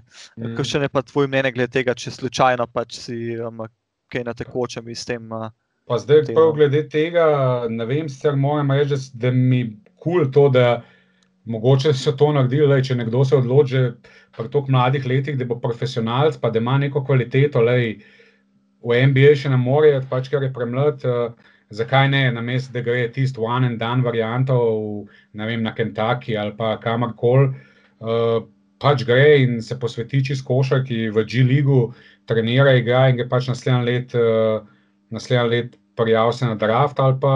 Lej, no, tako je, točno to, to nekako potem ja, to, je bila deluje. ja. mogoče, to je bila mogoče bolj ta varianta. To, da so pa malo zaustavili eh, te poti v Evropo, no, so pa bolj s tem, da so. Bolj s tem, da so eh, malo povečali budžete ekip, pa jim dovoljevali, da malo večje zaslužek le, ker prej, prej le, jaz sem tudi G-League, sem kar dosti spremljal, pač sem mogel zmeri. Um, in uh, le zaslužki v G-Leagu, zaslužki v G-Leagu so bili 15-20 tisoč dolarjev na let. Ja, to pa, ja, ja, Ja, to, to v G-Ligu zdaj- zelo slabo. Tako, pač, zdaj so, pa, zdaj so pa to povečali, mislim, da na 60. Mhm. Tako da zdaj pa pač že američani razmislijo, ne, bo ne vem, za 50 tisoč dolarjev ustal v G-Ligu ali bo šel vem, za, za 30-40 v Evropo, ne, ali pa za 60 konc koncev, ne vprašanje. Tako da s tem so malo zaustavili to uh, odhod v Evropo. Če po drugi strani sem pa bral neko raziskavo, da je, pa, da je bilo pa lansko leto letos največ američani do zdaj v Evropi. Ne Aha, kar pa podarja to teorijo. Um, ne vem, po drugi strani pa največji evropejci v Ameriki, v NBA-ju. Tako da, To, to je, Glej, ja. to je pa to so nekako, tudi- če tako gledaš, imajo zdaj um, kar nekaj teh evropskih MVP kandidatov za to sezono. ne. Ja, ja, Oh, ja. how the tables have turned. Mm, ja, ja, ne, res nore, nore take zadeve, le, ampak pač tako je. To, res je tisto, ko rečejo, uh, ko je neka floskula, global game, je košarka ratla, ampak lej, Ja. res je, a ne, in ti pogledaš, ne vem, neko ekipo, Baskonijo, oni nimajo enega španca Ja. praktično, ne. Pol, Pa ne pol Argentine. Tako, ne, pa tudi ostale, ne vem, pogledaš, eh, ne vem, tudi ostale, veliko teh ekip, eh, v, v, tudi v Euroligi pa to, a ne, jih je kar nekaj, ko so praktično brez domačega igralca, a ne, ne vem, lej, Trento, ki je igral v Eurocupu, ne, z nami. Ja. Uh, ja, kdo je italijan? Dva sta bila, pa še une dva uh, nista prav veliko igrala. Ne. Mislim, da so, da so bili celo bolj veterani. ne. Uh, ja, en je bil veteran, imel so pa pol tam ene, dva, tri mlade, ki so jih sicer pod Olimpiji v Ljubljani neki Noter dali v ampak, igro, ja. ampak prvih šest, sedem igralcev je pa tujcev. a ne. Tako da Ja. to je. Pa zdaj, ko smo še lih pri scoutingu, robi bo še v to pod temo za, zapelo nas. Ne, jaz bi samo še tebe vprašal, Gar, Garzo, a bomo zdaj omenili ali No, kar, kar omenimo zdaj. Bomo zdaj Ne. recimo Garza pač nekako brilira, ima ene štiri korenine, ne pač klepo jugi, Mhm. ampak dejansko je to center, ki jih pri nam krvavo manjka, pa mogoče se ne bi bilo šloh. Mislim, da bi se tukaj kdo zveza ali pa to nekako probo zazihrati, če bi se Da, da. da, da te jaz prekinem, da te jaz prekinem. Če jaz prav vem, pa če sem prav zasledil, mislim, da se je on že odločil, da bo za Bosno igral. Aha, no. On se je načeloma je tako pisal, da se je že odločil, ja, da bo za Bosno igral. Um, jaz pa mislim, da, da je in Zveza, in, uh, in tudi uh, Olimpija se že pozanimala že v prejšnji sezoni glede njega, uh, kakšno je stanje. Pa, pa je pač bilo to, to da se je Brko ne fant odločil, da bo najprej se je odločil, da bo, še, da bo igral za Bosno, več ali manj. Um, plus, da se je potem še odločil, da bo še en let ostal na koledžu, ki je lansko že planiral iti ven. Um, ampak ja, no, tako da, uh, ja, no, tudi Garzo, ga spremljajo tudi drugi. No, in, uh, Vse to ne. in uh, mislim, da je tudi na naši zvezi, da so se, uh, da so se pozanimali. No. Zdaj pa, ko smo glih na tem, no, bom pa jaz zdaj preskočil. Kar, kar, kar. Bom, za Ja, ja, kar- sem pa ja rekel, kar da bomo kasneje kaj povedali. No, en, En edini igralec iz NCAA, uh, ki smo ga mi pa hoteli, recimo, angažirati, ne? direktno z NCAA, uh, pa tudi je potem posledično tudi zveza se pozanimala, kako in kaj, ker je tudi podobna varianta. Ne? Je bil pa A je Kevin to Pangos? Pangos. Ko je bil na Gonzagi, um, se je bil, a ne na Gonzagi. On, ja. Ja. Uh, Jaz sem tudi zvedel, da, on takrat, da ima slovenski potni list. Um, meni, jaz sem njega že prej, no, mi je bil všeč kot nek play, tak evropski play, dobesedno izgleduje evropski play. Um, že tako mi je bil všeč, sem ga spremljal, ne, pa sem pa zvedel še, da ima, da ima slovenski potni list. Ne, in, uh, In tako tako izglava pa akcija. Ne? Seveda, ne, in lej, verjemite, da, da, da ni prav dosti manjkalo, mogoče, da bi končal uno sezono, sicer pol je končal v Gran Canariji, tako da verjete, nismo imeli mi šans zraven, ampak smo bili tudi mi v akciji, no, da, da bi ga mogoče pripeljali v Olimpijo takrat. No. No, ja, to je kar taka zanimivost. No, Če ko ga pa še, se je, še, veliko ve- še bolj zanimivih boš pol slišal. no super, bomo še kaj prišli. V glavnem, jaz sem Okej. tako rekel, ne, potem takem zaživi, da nos za skautanje imaš. Ne, in zdaj le bomo šli v lih v to branžo. Ne. Ko da Okej. robi, kar zapel nas. No, v glavnem, scouting. Ne, zdaj tudi jaz, pa tilc to zelo rada malo prečesavava razne forume, programe. Sigurno, Ontreta, ne. sigurno niso tako dobre kot ti, ne, ampak eh, vseeno. Ja, jaz bi dal vse, da bi kakšen kod ali karkoli rabaš za Synergy, da vidim, kaj ta sistem je. Ne? Ampak prvo vprašanje še za, pač, iz sezon z okornom, koliko si imel ti kaj prste pri Morganu, pri Jeffersonu, konc koncev pri Oliverju. Kar nekje sva zasledila, oziroma nek vir nam je povedal, da ne bi bil ti prste vmes pri prihodu. jaz sem imel-. Jaz sem imel prste vmes zmeraj od leta 2013 pa do leta 2018. a ne. tako da so bili tudi kakšni fejli, ampak to so bili res taki fejli za igralce, ki so klej igrali za kikiriki, dobesedno, ne, smo res fularskirali z njimi, veliko več je bilo pa, veliko več je bilo pa tistih igralcev, ki so potem v nadaljni karieri ali pa še dan danes služijo po pet ali pa šestkrat toliko, kot so v Olimpiji služili, ne.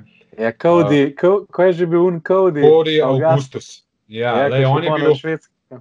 ja, lej, ampak on je bil košarkarsko, lej, vrhunski, ne, ampak mi se enostavno takrat nismo, ne, da se nismo dosti pozanimali o njemu kot eh, o osebi, ampak smo dobili narobne informacije, ne, o njemu. Ker pogledaj, on je bil košarkar, je bil on vrhunski, on je na treningih bil, on je bil vsak, vsakič MVP treninga. Samo pač je bil malo Karakterno, ne, malo malo bolj. poseben je bil, ne. Uh, pa malo nočni izlaski, pa ovo, pa ono. Mi smo dobili informacije, da, da, je, da je vse ok, ne. Ko delaš ta scouting, se pravi, pol tudi preveriš uh, pri njegovih bivših trenerjih, soigralcih, kakšen je. Um, pa smo mi takrat dobili dobre informacije, ampak lej, to je bil en tudi igralec, ki je res igral za tak denar, da lej, ni bilo neke hude škode se naredil. Ne. Je pa takrat tuno sezono, recimo Alex Stevenson bil tudi vrhunski igralec. a ne. Aha, aha, ja, ja. Američan center. Um, poj pa res, da pol naslednje dve let nismo imeli prav veliko američanov. Še enega švicarja ste imeli, enega mir mlađena. Ok, uni, uni, to je bilo takrat, ko je prišel Gašpor Koren. Ne, sta, smo v bistvu s tistim bornim budžetom, a ne smo ga imeli, sem rekel, smo mogli nekako zapolniti uh, luknjo na, na ne. Tako, ker smo tudi najprej Oliverja planirali kot trojko čisto. In pa smo res za en tak smešen denar v bistvu dobili najprej tega mlađana, ki je bil nek prospekt, ki je, nekaj, nekaj, ki je pokazal nekaj v Švici, pa še Semjona Saškova, če se spomnite, Rusa. Ja, bratec prej- samega Aleksandra. Tako, Ja. ko je igral tudi prej nekaj v Lastovki in je tam nekaj naredil, ampak to je bilo tako. Pač, lej, če bo, bo, če ne bo, ne bo. Ne? Tako da tukaj se nismo šli nekih hudih scoutingov, ampak smo enostavno mogli vzeti nekaj, da, sploh lahko treniramo ne, v končni fazi. Zdaj, če sem pa glih za te igralce vprašal, pa ne vem, lahko bi še vmes omenil še Nikola Jankoviča, a ne, ki je bil pol MVP Aba lige. Um, ja, le, jaz tudi zaradi tega sem leta 2013, ena izmed nalog, sem prišel v Olimpijo kot asistent coach, je bila tudi ta, ker so vedeli, da, da poznam ful teh igralcev. Um, zdaj, kako jih poznam, poznam jih potem zato, ker sem tam v letih 2010, 11, 12 jaz delal za Synergy in sem pregledal po 3-4 tekme na dan in eh, logiral. Zdaj to pač ne bomo se zapletali, kako to zgleda, kaj se tam dela. Uh, ampak v glavnem tam sem jaz opazil ful teh igralcev in sem si jih začel zapisovati, pa sem jih pol še pač malo preveril statistike, pa prejšnje sezone, pa jih pol spremljal in jaz sem imel to, še zdaj imam to bazo igralcev, res uh, noro veliko in imam pač uh, tudi zato, no, sem jaz takrat v Olimpijo prišel, uh, tako da, da so zelo upoštevali recimo moje mnenje glede prihoda teh igralcev, tudi takrat, ki je bil okoren. Um, je pa tako, a zdaj, a sem jaz kriv, da so prišli, jaz sem jih nekako poskavtiral, ne, zdaj, sem jih jaz najdel, a so jih mogoče, Oliver je poslal nam nek agent, dajte ga pogledati, ne, pa smo ga pogledali. Um, Jefferson v bistvu sploh ne bi prišel, mi smo že imeli drugega američana na plaju, takrat enega Robinsona, um, ki je bil pa kle sam tri dni, pa je šel pa domov, ker mu Ljubljana ni bila všeč. In smo mi pol na vrat na nos mogli. kako ti Ljubljana ni všeč, Ja, ja, ne- ne najlepše lej. mesto, de. Ja, de- lej, res čuden, ne, ampak lej.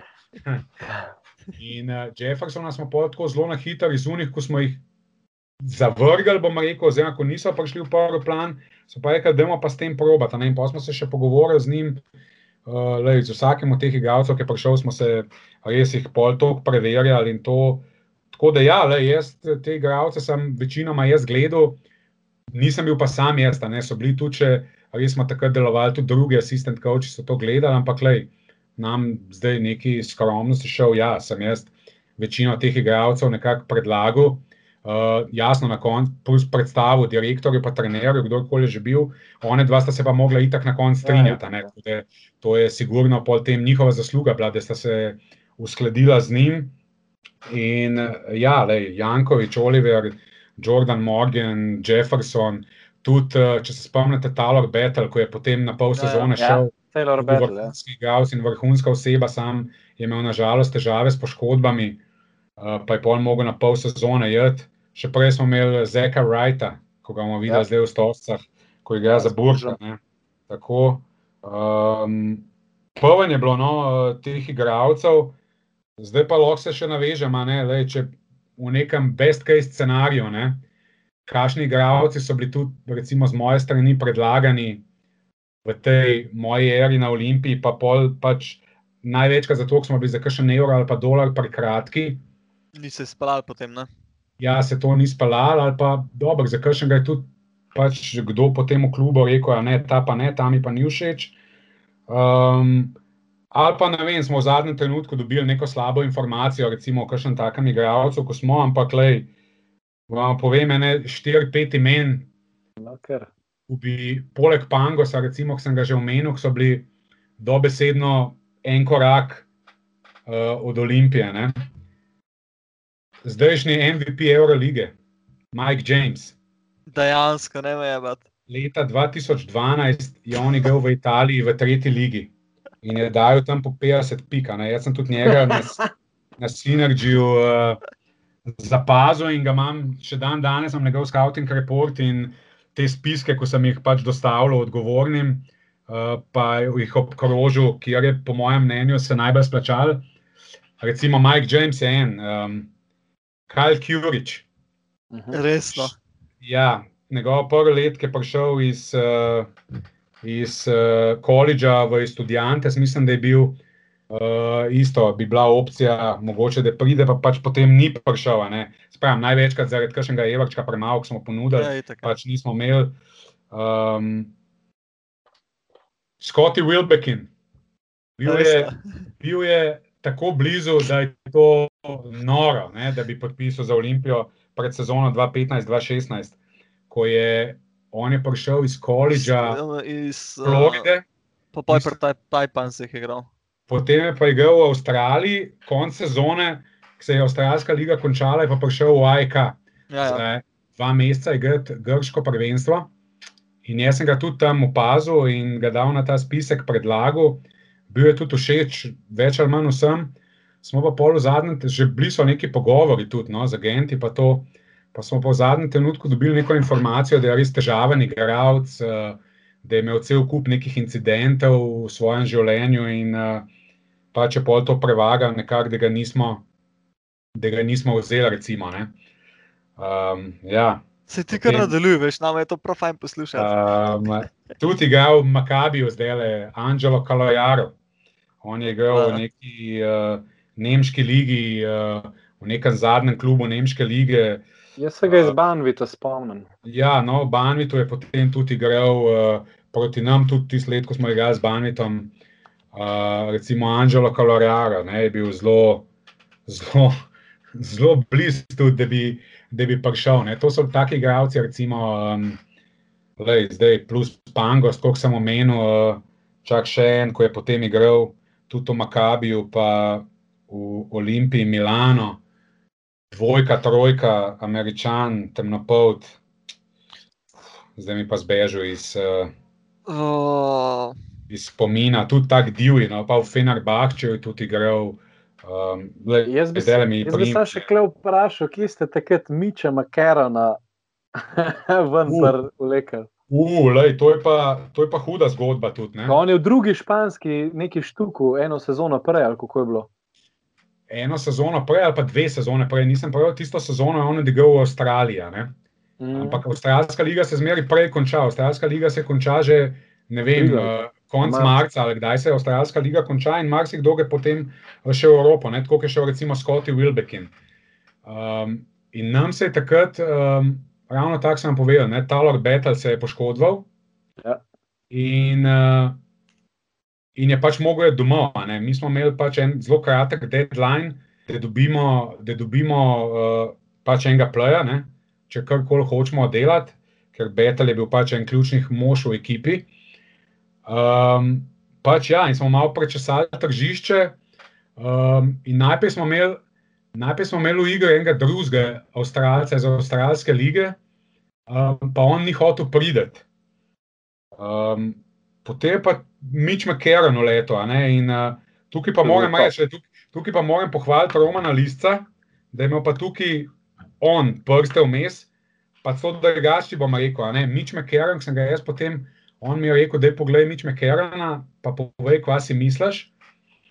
Jaz pogledam, meni bi on sicer ful všeč kot igralec, ampak jaz sem imel en ful zadržek. Ne. Jaz sem rekel, Mič McCarran ni, ni playmaker, ne, ko ga mi rabimo. Mič McCarran je dvojka. On je skozi igral dvojko, celo kariero je igral dvojko. Sem pa, kaj, ja, sem pa kaj šel malo na playa. Ne. In jaz sem takrat rekel, da mi, mi ne rabimo dvojke, mi rabimo enega playa. Uh, za vrhuncu vsega se je točen par dni, preden smo Mič McCarrana podpisali, če se spomnite. Uh, smo igrali v Beogradu z FMP-jem, pa so Janu Španu razbili ličenco, da je bil polodsoten ja. dva meseca. To je bil pa pet let tudi z Maska. Mi smo, mi smo igrali brez playa, roko bažjem je bil play potem. Um, v glavnem, ja, Mitch McCarron in sem ga jaz gledal, meni se je dopadel kot igralec, ampak uh, sem rekel, je Roman, uh, on ni playa, ne. Ampak nam je pa že full kuzla, uredska kala, je bilo samo še dan, dva do konca prestopanega roka. Um, in potem sem jaz tam, sem pač gledal ne, to njegovo življenjepis, videl, da je on igral za Metro State University. Zdaj spomnim, da je Brendan Jefferson igral tudi za Metro State University oh, ja. v, v istem času. In uh, seveda sem jaz takoj Brendana Jeffersona poklical, uh, ga vprašal, kaj je z Mitch McCarranom. Pa je rekel, noč, vrhunski človek, vrhunski igralec, žval, odličen play. Rekel, jaz sem dal 50 posto košov, sem jih dal, mi je on asistiral. Čak, ma, on ni v življenju playa igral. Eko, ja, Polk je šel nazaj v Avstralijo, ne. Na koledžu je pa skozi igral. Ne. In lej, tukaj mi je bilo pol do dovolj, če mi to Brendon takrat pol rekel, sem jaz takoj poklical pač uh, lista, pa sem rekel, ja, lej. Sama akcija sem spremenil mišljenje, čeprav on bi ga verjetno pripeljal, tudi če ne bi jaz rekel. Da, ampak. Kako je bilo pa takrat, pa še delč, da bi on podaljšal takrat pogodbo, ko je bilo, ni bilo neki zelo um, blizu, sam je pa dobro pogodbo dubu nazaj. Ja, on, vem, da je Olimpija bila takrat za njega zainteresirana, da jo podaljša. Bila je zainteresirana tudi za Morgana, da jo podaljša, ampak mene takrat no. ni bilo več na Olimpiji. Jaz sem takrat pol po uni sezoni šel pač smo imeli malo uh, pač nesoglasja, uh, pa niti ne, no, pač le, dosti je bilo. No. Um, in ja, oni so hoteli, ampak le, tudi nič Mekeran je, je pošel za trikrat večji denar nazaj v ja, Avstralijo. Ja, um, Jordan Morgan je šel za trikrat večji denar v, v Banvit, uh, isto ja. Oliver. Uh, danes pa pač Jordan Morgan vleče verjetno 5 do 6 krat večji denar, kot ga je imel v, v Olimpiji, ki je tudi igral če bi vam povedal, za koliko vam ne bom. Ja, se, za 60 ur, bi se ljudje za glavo držali. Za kakšne, ali pa za koliko je igral Brendan Jefferson, pa Nikola Jankovič, pa tako naprej. Lejte, ker to je bila una sezona, nek smo povedali, kakšen je bil ja. budžet približen. Ja. Um, kaj smo mi takrat, kakšne igralce smo mi takrat pripeljali za ta denar, vrhunstvo. No? Ta meni je Jefferson zanimiv. On je prišel vem, z druge italijanske lige in pošel nazaj v drugo italijansko ligo, pa pa še v drugo francosko. In zdaj komi v prvi francoski, ampak Hara. Ne? Jefferson, ne, te bom popravil. Jefferson je iz koledža šel najprej na Finsko. Ja. Finsko ligo, prvo Finsko ligo, odigral vrhunsko, potem je šel pa igrati Nemško ligo za Hagen. Igral je prvo Nemško ligo v Hagenu. In uh, on, Hagen je gojil en tak res uh, nor stil košarke. Oni so dajali po 110 pik na tekmo, pa jih dobivali 112. Um, in uh, lej, nam je bil pač všeč, pol, ko smo ne mogli novega pleja pripeljati, ki je pač ta Robinson ali kaj bil, se niti ne spomnim, šel po treh dneh. Uh, in uh, smo pa še, sem celo sezono, smo se šalili na ta račun Hagena. Ne? Vsakeč, ko je ko je kdo na treningu malo prehmal šutno, so cela ekipa začela upiti uh, Hagen, Hagen. To je bilo, to je bilo tisto, ko smo se prej na začetku pogovarjali, ne? neka res una atmosfera, ki smo jo imeli. Taka prijateljska, ampak še zmeraj profesionalna, ampak tako je bilo v bistvu vse skupno zabavno. Tako da, ja, Jefferson je tukaj, pol je pa bilo to, kot ste rekli, pol je pa šel v drugo italijansko ligo, drugo francosko ligo, uh, bil je prvak druge francoske lige, MVP, kljub popelu v prvo francosko ligo, tako da je lanske tega v prvi francoski ligi za Orlan, letos je pa šel v Strasbourg, no, tudi verjeten za. A je Strasbourg je letos? Ja, Sam sem letos šel v. Strasbourg. Ne, ne. Ja, Uh, tako da, ja, to so ene, mislim, lej, večinoma no, smo v teh petih letih, glede na budžete, mi kupovali vrhunske Hud. igralce. No, Hude. tako ti bom rekel. Um, tako da smo bili vsi zadovoljni. In, uh, ja, še enkrat, jaz sem večino teh igralcev nekako predlagal ali pa karkoli, pa pogledal, so to tudi drugi delali, pa pomagali, tudi drugi asistent coachi, pa celo PR. Bergance je zelo, zelo vključil v te zadeve, tudi on ima neke full veze, uh, kadar smo pol iskali neke informacije o teh igralcih, tako da uh, smo dobro no, delali glede tega. Kul. E, No. Kako pa v bistvu um, ta program Synergy pripomore k tem uh, scoutingu določenega igralca, in oziroma kaj dejansko za gledalce oziroma za poslušalce jim lahko poveš, kaj pomeni ta program pri skautiranju? Pa ta program, prav direktno, recimo, um, uh, ful, ti, ful ti olajša delo, ko ti hočeš pogledati, kako en igralec igra. ne. Lej, jaz sem klasičen nasprotnik tistega, ko so kršni, ne vem, zelo pa kupili tega, tega igralca, pa gre trener ali pa direktor pogledati na YouTube. pa- Highlighte. highlights pogleda, ne, pa reče, upi, ta je pa ful dober. a ne." Vsak mu reče, jaz svoje highlights naredil, bi na NBA draftu bil zbran. Uh, tako da, Zdaj, na, ampak naprimer, če te prekinem, ne, zdaj um, tudi isto, um, isto Brandon Jennings. Ne, ja, Imel brutalen pač mixtape uh, iz Mhm. tistih college časov, pa ga prišel Ja. v avtomatiko.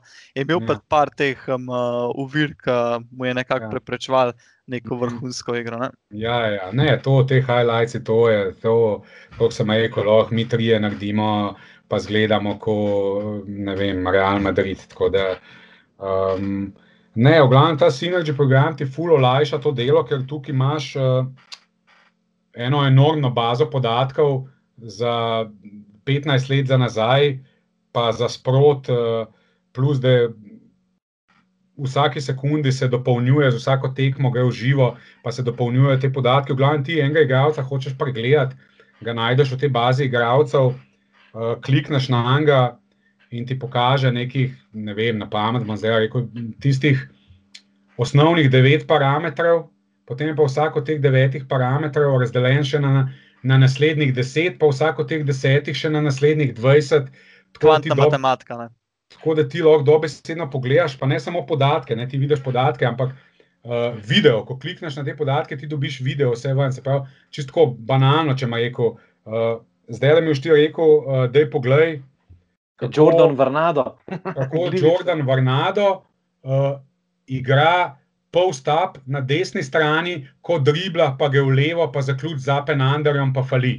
In A, bom jaz da prav- dejansko, To dejansko ta regalc, posebej. Tako, tako, tako, tako, tako. ej. In bo meni vrgel ven, ne vem, na pamet, ima neko 10 ali pa 12 klipov, kjer je Jordan Varnado točno to naredil in točno to falil. Ne. In ti tam vidiš, potem pa to so še vse ocene, veš, excellent, very good, poor, ne vem, glede na procent, glede primerjava, glede na druge. Um, in to je res en tak. Uh, Ja, tool to za- dela? Kdo to dela? Ja, to, to sem jaz, recimo, delal, takrat sem delal za Synergy. Ne? Ti imaš te, reče se jim logarji. To so, to so ljudje, ki na računalnik ti dobiš, imaš logarje ena, pa logarje dva. Tako, ti tekma poteka, ne, zdaj to živo že poteka. Ne? Že takrat sem jaz delal, to živo poteka. Ne? Uh, ampak pustimo zdaj, če je v živo ali ne. Uh, ena tekma se odigra, oni dobijo video tekme in logar ena to tekmo razreže v tem programu na vsako posest žoge, na vsako posest. Se pravi, ti tekmo razreže dobesedno na nekih 200 do 300 koščkov. Ne, vsaka akcija je košček zase. In potem teh 200-300 koščkov pošle, recimo, jaz sem bil pa loger 2. In meni teh 200-300 koščkov pošle meni, mislim, to gre avtomatsko preko platforme. In jaz potem klip po klip, se pravi, teh 300 klipov Razvrščaš. pogledam, potem pa preko teh številk imaš vse, ti točen piše, ne vem, uh, Jordan Varnado, klikneš pet je Jordan Varnado, pa ti odpre novo drevo, ne, mislim, pa kli- klikneš post up, puf, pa ti odpre uh, middle, left, right, pa klikneš right, pa ti klikne dribble, no dribble, pa klikneš dribble, pa piše over left shoulder, over right shoulder. Pa klikneš over left shoulder. Pa tako do konca, da ga je dal, plus na koncu, kdo ga je kriv. To imaš vse že noto program, ti samo klikaš. Ne? V bistvu upisuješ, upisuješ, kaj se je zgodilo. Ne? In ko prideš do konca, zdaj za en ta klip porabiš, ne vem, odvisen, eni lažje, eni manj, ampak porabiš, ne vem, pol minute, 40 sekund ali pa pol, ko si že zverziran, gre to malo hitrejš mogoče. Ko si konc, samo klikneš, puf, enter, pa ti naslednji skoč. In tako teh 300 ti narediš, in to na koncu, fum, plus da zraven prepenjaš še play by play. Tako da in to na koncu gre potem vse v bazo noter in, in Ja, te baze. imaš- To Ja, To ta užen res- trdi, ki to dela pismo. A, lej, Zato, imaš, zato se pa eh, subscription plačuje za ta program. ne? Ja, valjda, le, in to debelo. Ne, ja da je bil subscription. subscription. Tole. In uh, ja, velike tehnologije, takrat nas ni bilo toliko, plus da jih lej, te logare pol tudi uh, nekako rangirajo, pa jih kdo je dober, kdo ni dober, imaš tam tudi te supervizore, ko to preverjajo.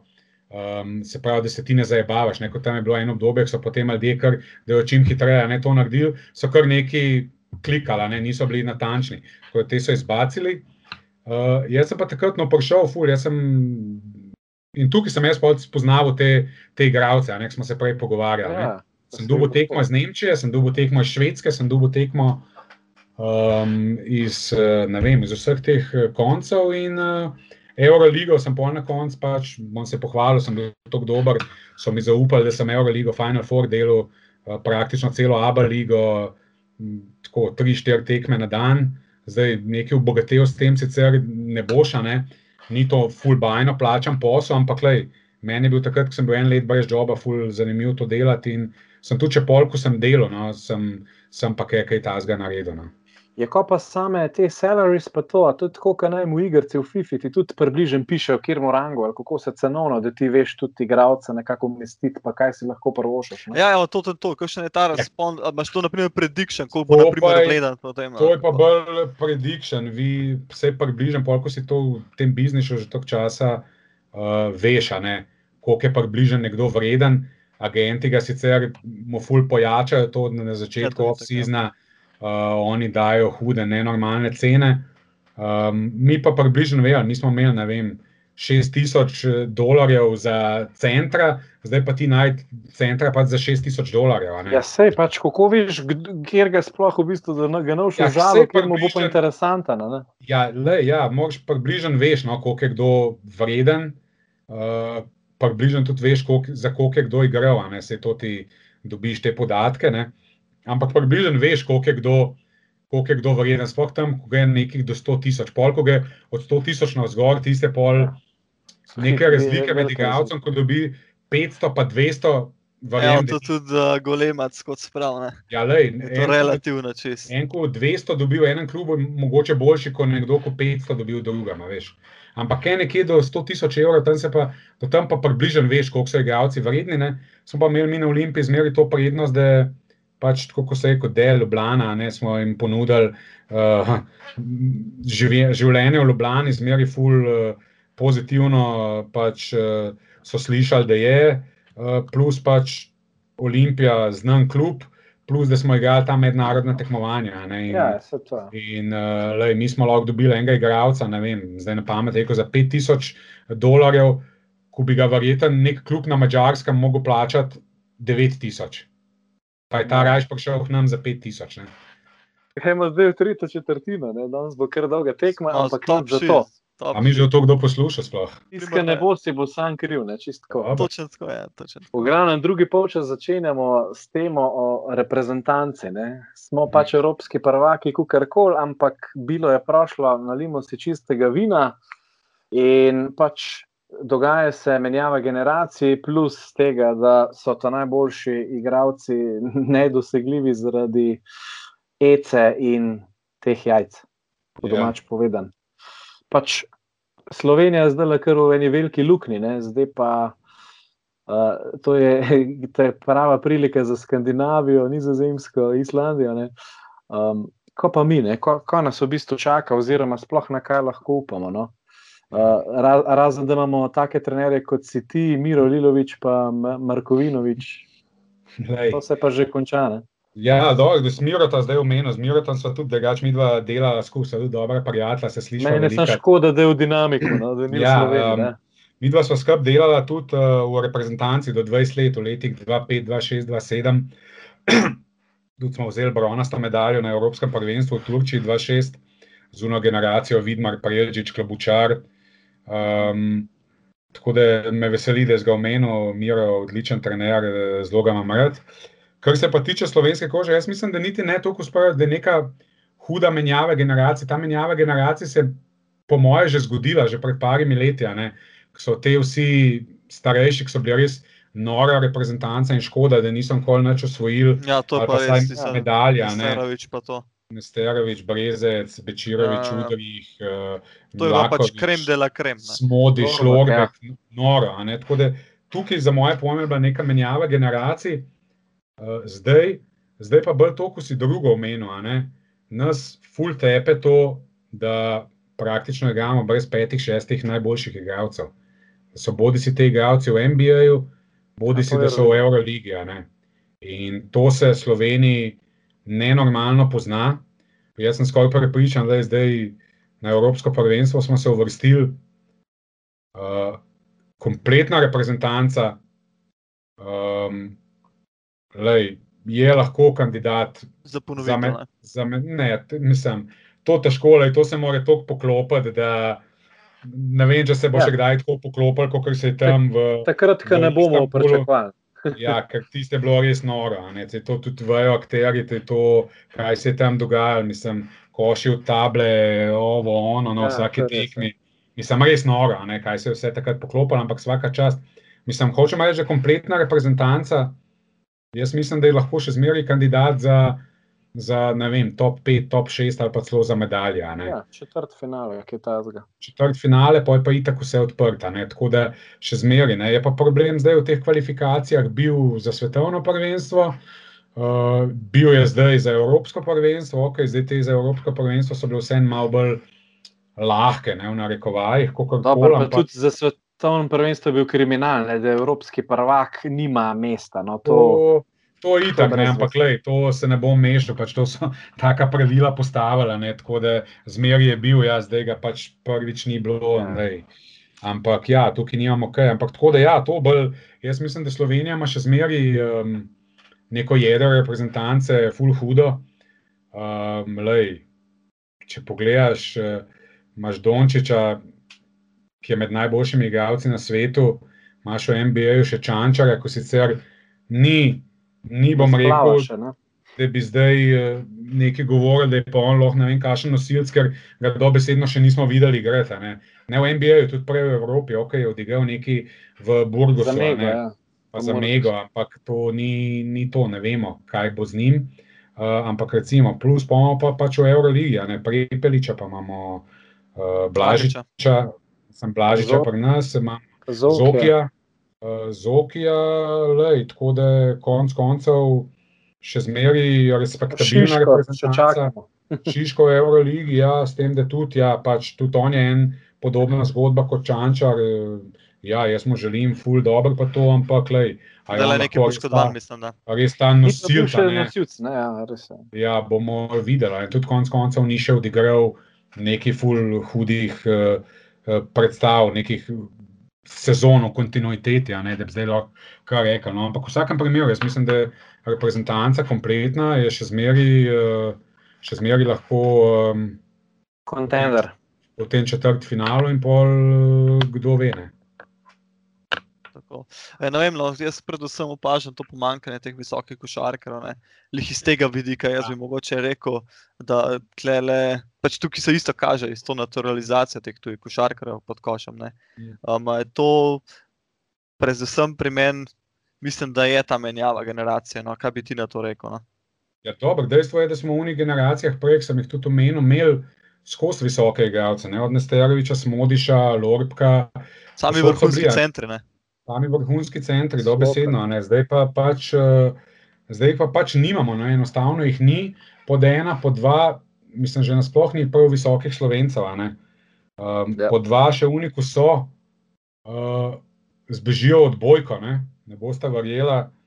imajo odbojki v mladinski reprezentanci kar nekaj takih fantov, ki izgledajo, so višji kot kar uh, reprezentanti, košarkarski naši, ne, mladinski. Ja.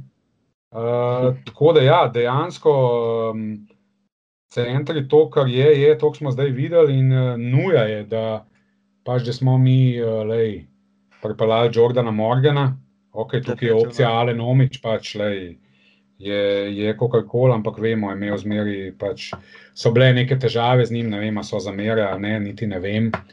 Ampak eh, tudi, ja, kar na mal grd način je pač takrat odpadel, moram reči.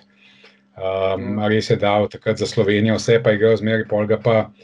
Pač ok, ampak to je spet ta krut profesionalizem. Pač pa je prišel Antoni Randolph in je pač Antoni Randolph igral, ne, normalno. Pobral smetano, ne. Ja, lej, ja. Ampak. Uh, ampak ja, ni. Svoje oddelo, ne. Ja, ja, absolutno. Ne. In uh, ni jih fantov, pač le Juri Macora, edini sloven, zdaj le visok, praktično, lahko v naslednjih dveh, treh letih mogoče. Mogoče so pa tam meni pa 16-17 let, no, ali pa če mlajši, so to bo še trajalo. To, to bo še trajalo, pa če bo sploh kdaj. Ne. Tako da ja, dejstvo, da so igralcev ni. Kljub klep pripomore, ne, da bi ne vem. Olimpija, ki je uforavala, primer ali sitnikov varianta, pa da mu pač vem, po 4-5 letih da, da državljanstvo. Pa če se da, da v bistvu ne bi tako mlad igralec, če dobi državljanstvo, da ne bi s to zvezdico špilo. No? Ali je to neizbežno? Ja, ne, to je skoraj neizbežno. No? To je skoraj neizbežno, um, da, da zvezdo špilajo vsi zvezdico, razen tistih, ki so bili prvič registrirani v Sloveniji. Recimo to sta bila nekaj časa Kastrati in Morina, ampak pa sta ona dva pač prestopila v ja, ja, no, Kosovo. Ampak Aha, ja, ti če si bil kot mladinec, mora že. Ma že kot pionir praktično, ne moreš ti biti registriran. Prva registracija mora biti v Sloveniji. Lej, če se ne motim, no, nisem gledal za te točne eh, podatke glede registracije, ampak mislim, da je to to. Uh, tako da je praktično no, ne mogoče, da bi da bi ti, mislim, lahko imaš enega, pač zvezdico, več pa pač ne moreš imeti. In, in uh, ni, ni druge, pač, le, ampak vse v končni fazi. Centri se da tudi brez centra v današnji košarki. Da... Ja, positionless basketball. Pač. Ja, le. No, jaz mislim, da klele, glede tretje četrtine, jih nimamo veliko tople vode za odkrivati. No. Pač ne. ne smo najdel na večjo pač mm. več pro problem, oziroma tudi če jih to zapire, ne, oziroma ker nimamo dostopa do teh najboljših. Pač, mm. ja. S tem se moramo nekako soočiti na svoj način. Tudi z vidika Olimpije, pač upam, da na vsake kvatre bo še kakšen tujc prejel državljanstvo, kar vse in nikoli ne veš, kdaj nam bo prav prišlo. Tudi ne vem, Oliver, ki ima slovenko, če jo bo ženo, da je kakšen državljanstvo po kasiru. To recimo, ful prav pride klubom ali pa nasplošno. Ne veš, točno. Ne samo ja, ja. ja, ja, siguren, siguren. Uh, tako da, ja, ne, tem, da tudi tukaj so neke, tudi za to zvezdico, ok, Randolph je to prejel, brez da bi bil kadarkoli v Sloveniji, ne, to je bila neka res una uh, nujna naturalizacija, je ekstra, drugače, mislim, da morajo, če ti hočeš tudi to zvezdico dobiti, uh, da moraš, uh, mislim, razen če si zanimiv za reprezentanco, ne, zdaj da pa ja. dubo zaradi tega, da bi šel v klubo, ne. Kot Pejč v Srbiji, pa to. Ne? Ja, dobro, v Srbiji pred vsakim finalom pokala v vsaki ekipi podelijo, potrije, podelijo tri državljanstva. Da, ja. Dač, gremo v četrto četrtino robe. Ja, tukaj pa krtina, tale zdravstveni vidik. ja, jaz sem doktor Pirca. v glavnem, eh, COVID-19 je glavna tematika v tej um, četrtini. Um, predvsem smo umestili v, v četrto četrtino, ker je bilo zanč veliko uh, teh težav predstavitvijo tekme s Crveno mm -hmm. zvezdo, ker se je tudi mhm. veliko informacij um, pojavljalo o drugačnih namenih Crvene. Uh, tudi predstavitev tekme v zbudučnosti in nasploh pač, koliko tega moramo za nazaj odšpilati. Mm. Um, koliko vidiš ti problematike v teh predstavljenih tekmah in uh, ki vidiš nek problem v tem vzdrževanju ritma igre? No? Predvsem to. Uh, ja, problematika je velika, ne? ampak Ampak, lej, um, prvo kot prvo, bolj kot ne se vse ekipe s tem pač soočajo, ene bolj, ene manj. Ne. Zdaj Olimpija se je res zelo velika, ne, med tistimi, uh, ki so skoraj največ teka mogli predstaviti. um, soočila po dva, bom rekel, da, da se pred sezono se je vedelo, da bo to tako. Ne? Tako da so tudi, da ni to nek full hud šok, ker se je vedelo, da bo to tako. Ne? To se je sam čakal, uh, kdaj se bo začel in uh, tudi v NBA-ju se vidiš, da je vprašanje, če ne bojo. NBA prekinili v naslednjih dneh. Ja, se neki uh, govorijo, začel... da nimajo plana prekiniti. Ja, ve, ampak se bo to še malo razširilo, ja, ja. bojo verjetno hitro. Tako da, ja, absolutno to, to ni ok, ni guta, ne, da se to dogaja, ampak je pač uh, tako je, ne, tukaj nimaš kaj in to definitivno ruši nek ritem, predvsem z tega vidika, da, da ti ne veš. Da ti ne veš, s kom boš igral čez dva dni. Kaj te čaka, ne, vse to. Ja, ker Olimpija se je dobesedno prejšnji teden, sem bil malo tam, ne, so bili, lej, oni so najprej se malo pripravljali začeti za zvezdo, pa pol ni bilo, oziroma najprej za budučnost, pa pol ne, pa pa ubo pa zvezda, pa je pa oziroma že prej še krka, ne vem, mogoče bomo pa skrko, pa naslednji dan to, pa pol dva dni, ja, noč sploh ne bomo igrali, pa pa kar naenkrat to leto, ja, pa bomo, gremo pa v zadar, ne. In to, je, to so taki šoki, ne. Kdo je pa to določil, ali so se to celo klubi med sabo kaj dogovorili? Lej, to jaz mislim, da se v končni fazi klubi ne, med sabo dogovorijo, potem pa potrdi liga. Ne, da, uh, lej, ampak slej, ko prej boš mogel te tekme odigrati. Ne, Olimpija je mogla, mogla ta vikend eno tekmo skoraj odigrati, če hoče pol med kokr tok normalen ritem. Je pa zapleten, ker se ne moš na tekme pripravljati. Pa že tako, le jaz vsakmo rečem, ta sezona je čudna in bo čudna, ne? ker lej, poglej, mi pogledamo sami sebe, skozi realno neki nervozen zaradi te, te situacije, um, pa snavaden človek. Točno to je. Oni so pa poleg vsega tega, ko mi doživljamo, imajo še vsa ta potovanja, ko ne veš, letališča, avioni, avtobusi. V hotelih, ko ne smejo iti ven iz svojih sob po štirih dni, sam na trening, pa na kosil, Um, mislim, to so, to so hudi šoki. Ne, to so kar neki čudni režimi. Že, ne? Se je že tudi samo bivanje v Ljubljani za igralce, mora biti karanteni, ja, po mojem. Ja, seveda, ne, sej, mislim, tukaj imajo na, na Olimpiji full spedenan, to, tudi zato neki niso imeli letos nekih, uh, razen takrat hočiča, ne, niso imeli nekih, uh, nekih teh okužb, ne, um, ker se res full držijo, full držijo tega. Uh, le, ampak se drugi pač nama reko, da ne držijo, ampak pač Olimpija glih na baše, zmeri na nasprotnika, ko se nekaj okuši in, uh, in zdaj se te tekme naberajo. Um, ni pa zdaj z vidika nekih ritem tekem, da sem te, te, te dni dosti slišal, ja, zdaj pa deset dni na uro igral, pa pizde to jim zruši ritem. Ni, ni to, sam to, le, ni to. Takrat, ko igraš na vsake tri dni, je preveč, ko igraš na deset dni, premalo. Ali kaj hočemo reči, ne, lej, to so profesionalci, ki v bistvu lahko igrajo. Ko ti priješ v dvorano igrati, ti uh, pozabiš. Tako kot sem rekel, v sezono smo bili mi, smo igrali po tri tekmovanja, smo, 90 tekem, koliko so zdaj. Ja, v, v 72 dneh smo igrali 34 tekem, tam v enem obdobju. Ja. S tem, da smo potovali od Skopja v Valencijo, pa nazaj v Skopje, pa direkt v Stosce. Uh, iz, aviona, iz aviona, pa 10 igralcev, pa, pa še meni so. Pa še meni so prtlago zgubili v Valenciji. sem bil polo istih gatah štiri dni, ne, zdaj ban, sem, sem si šel kupiti gate v Valenciji. Ampak ja, no, sem bil res.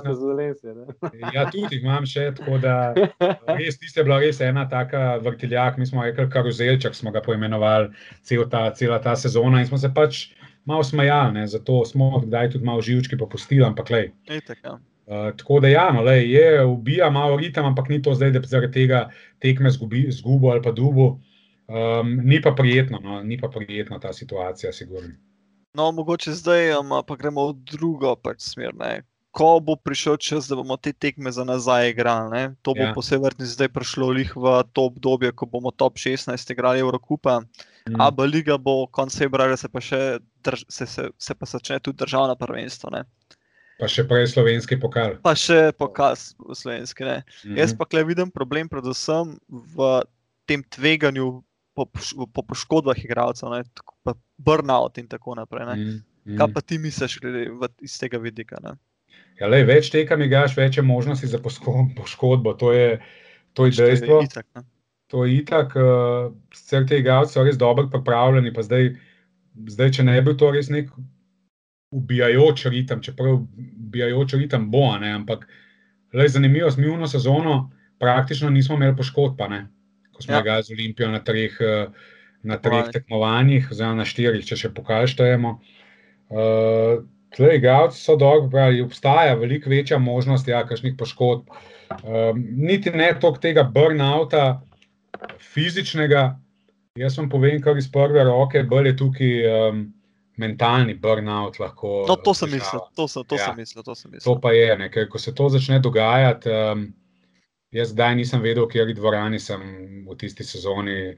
Sem prišel, pa nisem vedel, zjutraj se zbudil, nisem vedel, v katerem mestu sem. Um, ne vem, ono, meša se je vsem in igravcem in meni. Tako da tukaj se da, to, to je lahko nevaren. Tam, ne vem, Če te malo prekinem za moment, se pravičujem, pa tudi načeloma ne.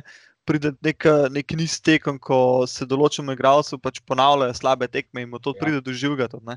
Ja, Ja, ja, psihično. ja. Psiha, psiha. Ja, ja lej. Sicer po eni strani je dobro, a ne, ker eh, nimaš pol časa, da žaluješ, pa ne vem kaj, pač imaš čez dve dni novo tekmo in Ja, v bistvu pozabiš, ne, zelo hiter. Um, ne smeš enostavno, sploh prav veliko razmišljati za nazaj.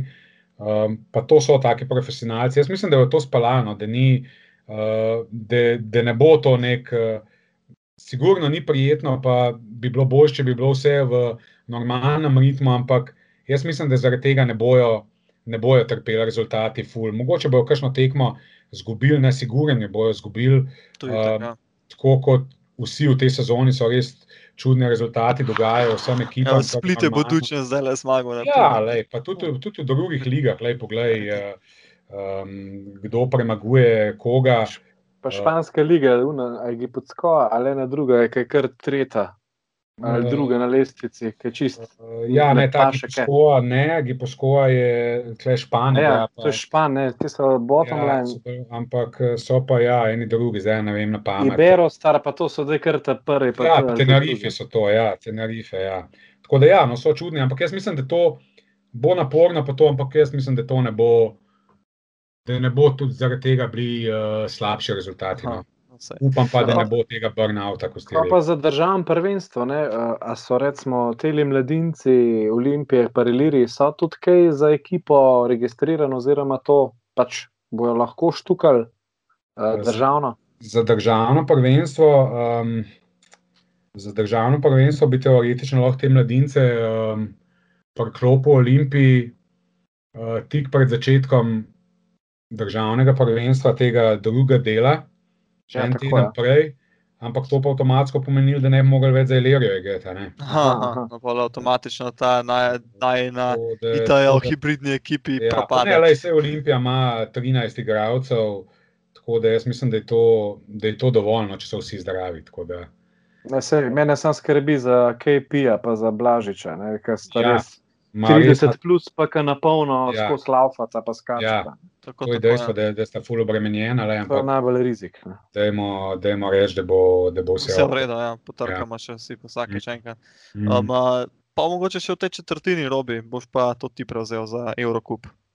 Ja, no, pač zdaj po sto letih, oziroma prvič v zgodovini tega kluba, našega, smo del top 16, eh, Ja. in sicer nas zdaj pač čakata Bolonija, budučnost in pa Burka. Ne. Zdaj, Mhm. danes je prišla pač žal, žalostna vest, eh, da se je Omič pofavljal za 6 do 7 tednov. Vem, sem že včeraj to zvedel. Ja. No, pač kar pomeni, da bomo imeli eno težavo manj pod košem Dve. proti Burgu. Dve težave manj, v Burgu tudi ni več uh, enega njihovih najboljših igralcev, Kadima Alena. Aha, to sem pa bral, ja, na Tudi sportalu. Kadim Alen je šel v G-League, pa bo tam se probo prebiti v NBA, tako da Burg, Malo Burg razpada. malo razpada, čeprav zdaj le spet v, v pokalu, čez vikend so igrali, pa, so, pa jih je Euroligaša svel eh, jedva dobo. Ne? Uh, tako da so taki neugodni, neko presenečenje tekmovanja so. Uh, Noč posebenega, tudi njihov top igralec Anžušič, vse dober igralec, ampak ni pa to nek uh, superstar, pa neki, ampak le igrajo, uh, so uspešni, igrajo eno tako atipično košarko, mogoče brez nekih zvezdnikov, ampak lej, Uh, ampak ja, kako ekipa so dobre, ja. Partizan ekipa so dvakrat delujejo, to so vse ja. skupaj. imajo neko tisto pač energijo, se vidi. Jaz sem glih to tekmo s Partizanom, recimo, sem gledal. Uh, ja, le nič posebenega, ampak uh, čeprav zdaj brez Omiča, pa brez tega Alena, dvomim, da lahko se resno opirajo komorkoli. ne, Tako, tako da realno so oni četrta ekipa te skupine. no. Ti bi sigurno rekel, ne, da nekako, ne glede na vse, pa se smo pač vsi ne, za Olimpijo klele, ampak pač Virtus je definitivno nesporni favorit. Ne. Virtus je nesporni favorit, uh, ne samo skupine, ampak uh, Tekmovanja. Celega tekmovanja, vse, kar delajo, delajo v tej smeri. Um, je pa pač le to ena ekipa, ki si je v V italijanskem prvenstvu je že petkrat skušala. Štirikrat. slušana, ja, in to petkrat doma. Oni na gostovanju še niso izgubili, izgubili so petkrat na domačem igrišču. Tudi zato so imeli tiste pizdarije potem z Đorđevičem in Markovičem. Uh, tako da niso, ne, da, da so neki supermeni, ne. tudi oni so ranljivi. Uh, jaz mislim sploh o tem, da, da je to kar ekipa sestavljena iz res zvezdnikov. Ja, itak, to je Eurolig, eh, po budžetu definitivno Euroligaška Tako, ekipa. In, pač. uh, te zvezdniki so taki, a ne sploh en Teodosič, tudi Beleneli. Uh, Če ga bo in hočič tam, uh, fajn. To, to sem jaz danes tam v enem komentarju bo na popil Sport TV-ju rekel, ja, um, lej, uh, da petkrat, eh, šestkrat, ko bojo prišli na teren, se jim bo petkrat dali igrati, enkrat pa ne. a ne. In uh, tistih enkrat, če je to slučajen tekma v sredo, ko se Teodosiču pod narekovaj ne bo dali igrati, ali ga bo pa en hočič ali pa blažic malo ja. agresivno šel na njega, pa to uh, Belenelu je dosti podobna zgodba. Uh, bi, bi lahko Olimpija. Presenetal. bi lahko presenetila, ampak eh, tako malo bo grdo se slišalo. No, ampak jaz mislim, da je Olimpija mora res odigrati vrhunsko, Perfektno, najboljšo partijo, pa tudi to ni nujno, da bo dovolj. No. Kje bi pa ti rekel, definitivno pač si ti ta prav naslov za to, kje jih moramo pa napadati? Ja, definitivno probati napadati te dva igralca, uh, Belenelija in Teodosiča, ne en, ne drug nista. na filec fauli. Ne? Tako ne, ne drug nista dobro obrambna igralca, malo se šparata v obrambi, sicer so drugi toliko boljši, da jih kar malo uh, pokrijajo, ne, ker uh, po tej napredni statistiki, ne, na Synergy, by the way, jaz to spet gledam, Ja, power uh, synergy. je, ker imaš tudi podatke za obrambo, a ne, koga si ti pa kako brano. a ne. Aha. Uh, Morajo prednačiti A- A- Abbas, pa Wims. Pa... Ja, ampak celotna ekipa kot ekipa je najboljša obrambna ekipa, glede na število košev, na število posesti. Ne.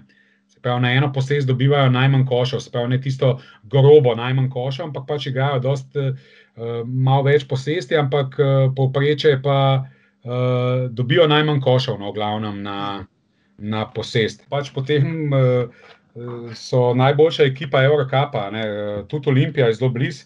Nasploh je pa no, v vseh statističnih podatkih tudi je Virtus uh, najboljši, praktično ali pa pri vrhu, top 3. Um, tako da je res ena vrhunska ekipa. Tako da jaz mislim, da je največ od njih odvisen, če oni ne bojo ta pravi, če bojo oni prišli v neko zmedo, nek mogoče prepir med sabo ali pa da jim nekaj nav pasa, da ne bojo razpoloženi, tukaj Olimpija ima šanso.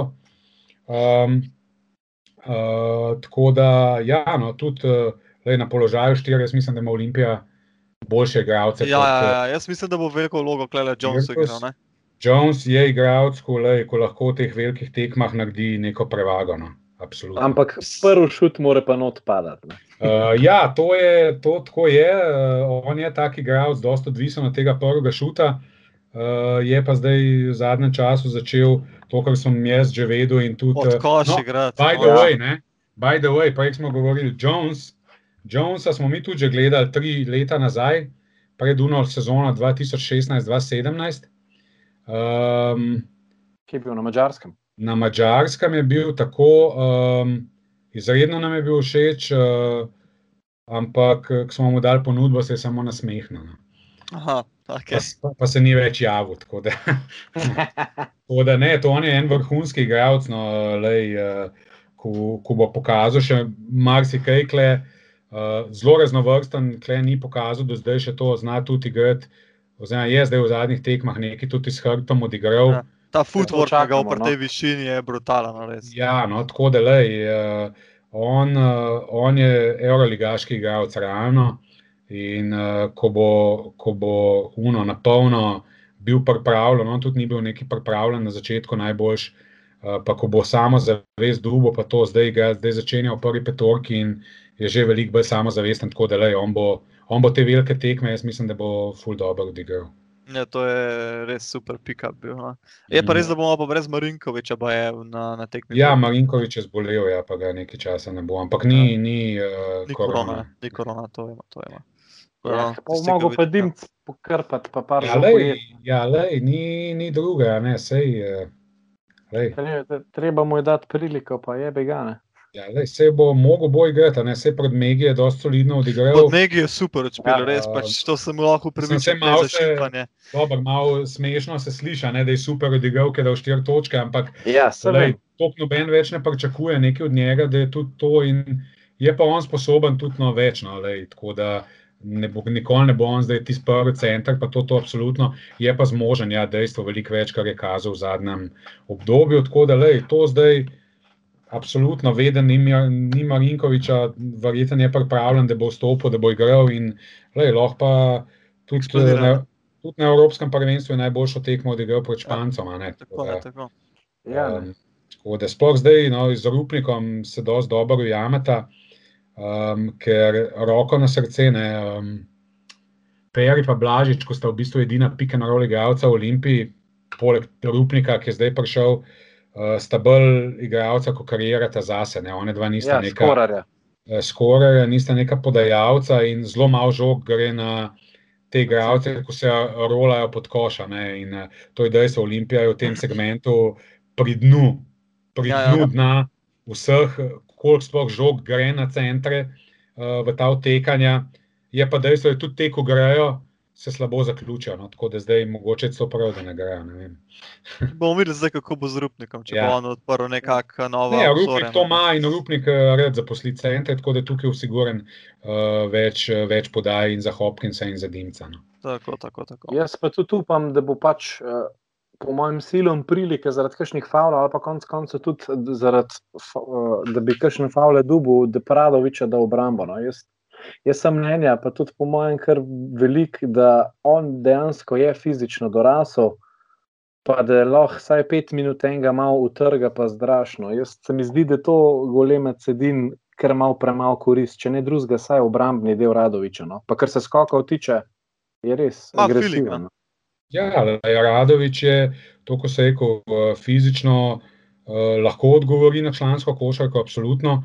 Tudi dobil je nekaj priložnosti, v bistvu največ od teh mladih. In je, je tudi, tudi dosti dobro izkoristil. Dosti dobro izkoristil. Um, je pa, da zmeri nekaj malega zmanjka, da bi ga zdaj, ok, konc koncev ga je na Gran Canariji dal v prvo petorko. Pa je, spet, pa je spet čisto solidno odigral. Recimo, zdaj, včasih bi tudi to bilo fajn, da bi malo zjebo se s tem, pa da bi oni malo bolj čukali s pogledom. Absolutno, le, ampak.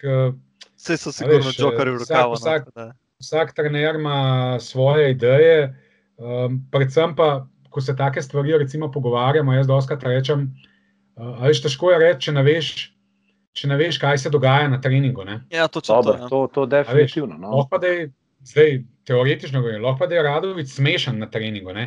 Ni, ja. ker sem jaz tudi gledal, nisem, ampak tako ne, pravi, zakva pa ta ne igra. Ja, ne vem, lahko pa, veš, kaj ti veš, lahko pa da se ga kdo obnaša lahko da je vem, pizdunčak, da se neč ne upa.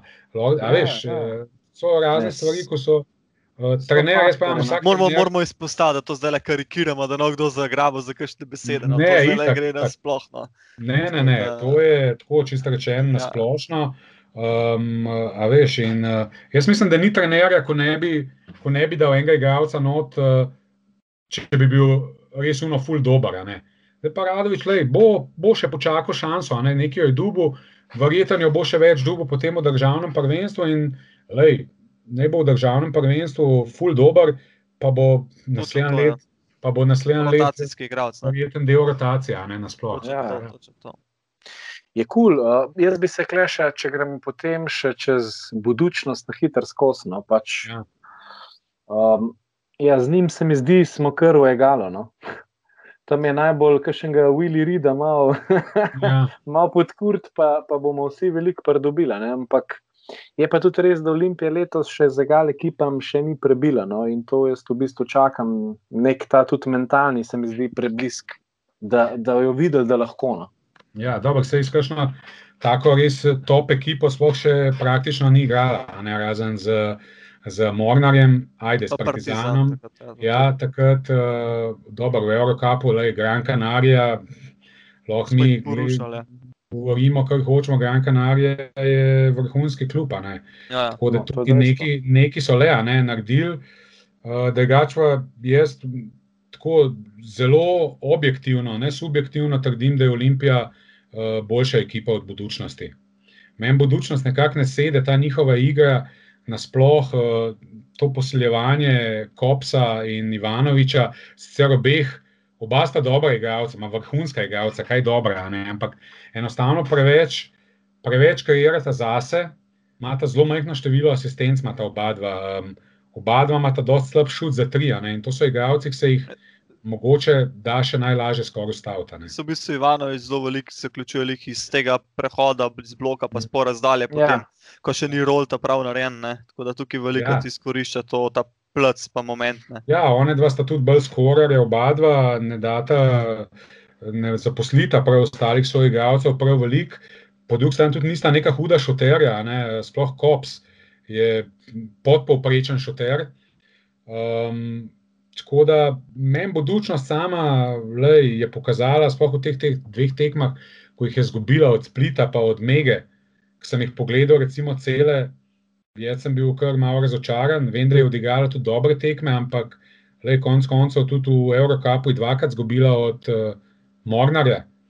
Ja. Um, tako da meni ta budučnost uno, ne uliva neki, ne zgledajo mi, ne zgledajo mi kot ekipa. No? Ne zgledajo mi ja. uno kot ekipa, ne zgledajo mi neke full hude energije, ne oddajajo. Za razliko recimo od Olimpije, ko pa sem jih v enem prenosu rekel, da ne da je postala ekipa, ampak je postala uno. Familija, skoraj. Familija, kultura, v bistvu, ne, celotna, ne samo ekipa, štab, tudi eh, ljudje okoli njih, eh, ja. ljudje v pisarnah. Sam škoda je, pač, da, da to ne moreš podpreti, pač gledalci. Ne, ampak, ja, jaz mislim, da bi bilo že kar ponovno. Ja, ja, ene šest, sedem ur bi pa po mojem že res bilo. No. Lej, uh, jaz sem povedal, zunih sezon, ki je bila kar kriza, um, tam 2013, 2014, 2014, 2015, pa smo mi v Evropi takrat nanizali. Um, tri, štiri zmage zapored, bili smo celo prvi v svoji pretekmovalni skupini, samo takrat je bil drugačen sistem. Ja. Um, v bistvu smo poligali v top 32 in v tem top 32 smo mi igrali z Hapoel Jeruzalemom prvo tekmo. In je bil dobesedno cel spodnji ring poln, 5-6 tisoč gledalcev je bilo takrat. Ne. To je ena zadnjih tekem, skoraj je bilo tako le polna. Pa je bilo še v tistem finalu iz Krko pred tremi leti. Ja. Se, peta tekma, ne, je bila tudi kar lepo. Ne. To je še ena tekma, ki si jo kdaj zavrtim, highlights na televiziji, če sem slabe vole, pa se ti zavrtim, pa sem pol takoj boljše vole. Uh, tako da, ja, no, le, škoda, da ni gledalcev.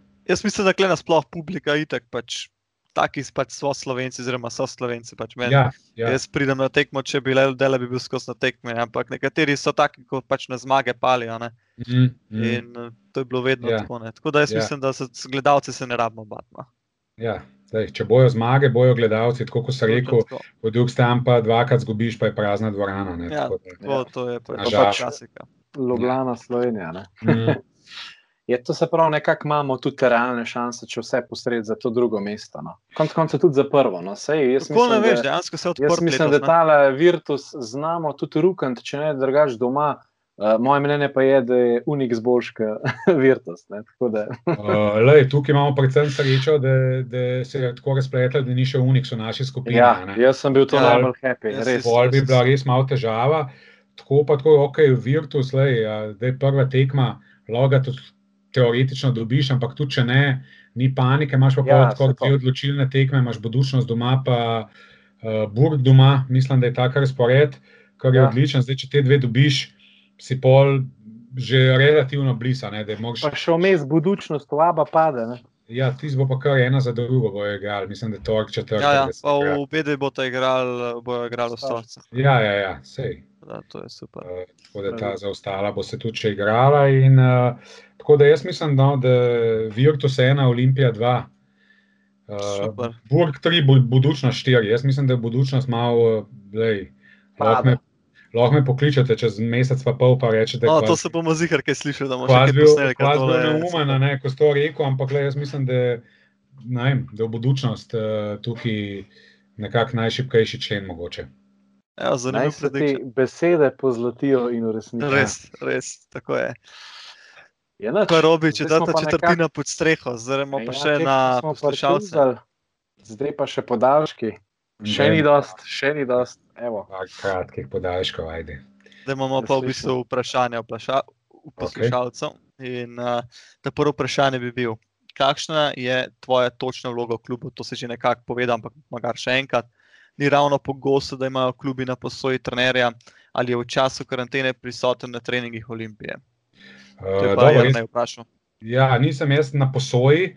Uh, jaz imam pogodbo z obemi klubi. Uh, jaz imam pogodbo in z Olimpijo in z Ilirijo. In, uh, pač do Olimpije imam take in take dožnosti, do Ilirije imam take in take dožnosti. Uh, tista skupna točka so pa te mladi uh, igralci Olimpije, ki igrajo na Iliriji. Jaz, načeloma, je to moja glavna naloga, da, da delam z njimi, da jih učim, da naredim ne samo košarkarje, ampak eh, ljudi iz njih, uh, tudi iz mentalnega vidika, uh, da pač probamo iz njih narediti uh, ljudi, ki bodo mogoče čez dve, tri leta igrali v prvi ekipi Olimpije. In, uh, tako da to je moja vloga za prisotnost na treningih Olimpije. Uh, sem pa tudi, mislim, da že prej povedal, ja, da v vsakem trenutku sem uh, na voljo Sani oziroma Jurici. Zgodil se je parka, da so rabili trenerja, sem se z veseljem odzval. Uh, če ne drugega, pa veliko prijem pogledati treninge, pa se zraven tudi uh, pač malo pogovorimo, pa uh, učimo. Ja, tako. Ja. Potem imamo pa drugo vprašanje, ki ga je poslušalec Klemens postavil in sicer, kaj meniš o potencijalu Roka Radoviča in o njegovi minutaži? Moje mnenje je, da bi lahko dobil več priložnosti. To je Robert napisal ta ja. vprašanje. Ja. Ne, ni Robert napisal, ampak vse. Pač Dejansko smo dali to tudi že čez, no, se lahko na hitro odgovoriš. Ja, smo dali čez. Le. Jaz mislim tudi, da je rok uh, potencial, da je fizično pripravljen na ta nivo. Um, je pa potrebno biti pač potrpežljiv, eh, čakati eh, šanso. On tudi konec koncev zadnja tri leta ni v kontinuiteti odigral. Poškodbe. Ni, poškodbe, pa selitev v Belgrad, pa nazaj v CD-vito. Uh, Eh, tako da, ko jaz vem, pridem trenera, uči se dela, um, mogoče tako na ven, res bi nek zunani opazovalec rekel, uh, hudiča, zakaj pa ne dobi več priložnosti, ne? ker tisto, kar je dobil, je dosti dobro izkoristil. Le, ampak jaz pravim, Jurica že ve, kdaj in kje mu jo bo dal, in uh, to je to. Jaz bi sem tukaj le v leto. Ja. A misliš, da so drugače, recimo, letos so vsi trije olimpijci in mladinci, ne, Ščuka, Duščak in Radovič, tudi mentalno tako močni, da jih pač ne bo karkoli minil, ker pač je letos ta prva sezona med člani, pa glede na minutažo in vse skupaj. Ne, da so to, da oni vejo, da je za njih dober, konc koncev, itak imajo vrhunske treninge s takimi svojimi mhm. igravci, pa da so prštimani na to, da pač prvo leto morajo požreti, pa bo. Naložba, konc koncev. No. Oni to morajo vedeti, da to tako poteka. To so jim absolutno tudi trenerji razložili in vejo, da to tako gre. Zdaj pa, če kar malo nesramno rečem, uh, lej, če tega niso pripravljeni narediti ali pa potrpeti, pol tudi niso sploh za ta nivo pripravljeni in nikoli ne bojo, ker potem jih bo vsaka težava iz tega razpravljala, vsakeč bo nekdo drug kriv, da slabo igra, da ne igra. Da, lej, tukaj treba potrpeti, uh, biti ustrajen, uh, videti, na čem si, um, počakati leto, dve, tri. Um, morajo, morajo to potrpeti. Uh, jaz mislim, da, da oni vejo. Bolje je tukaj problem, da potem oni od druge mogoče slišijo, Lej, če pa kle nisi, pa pej, ampak pa pej, da geboš pa več dubu.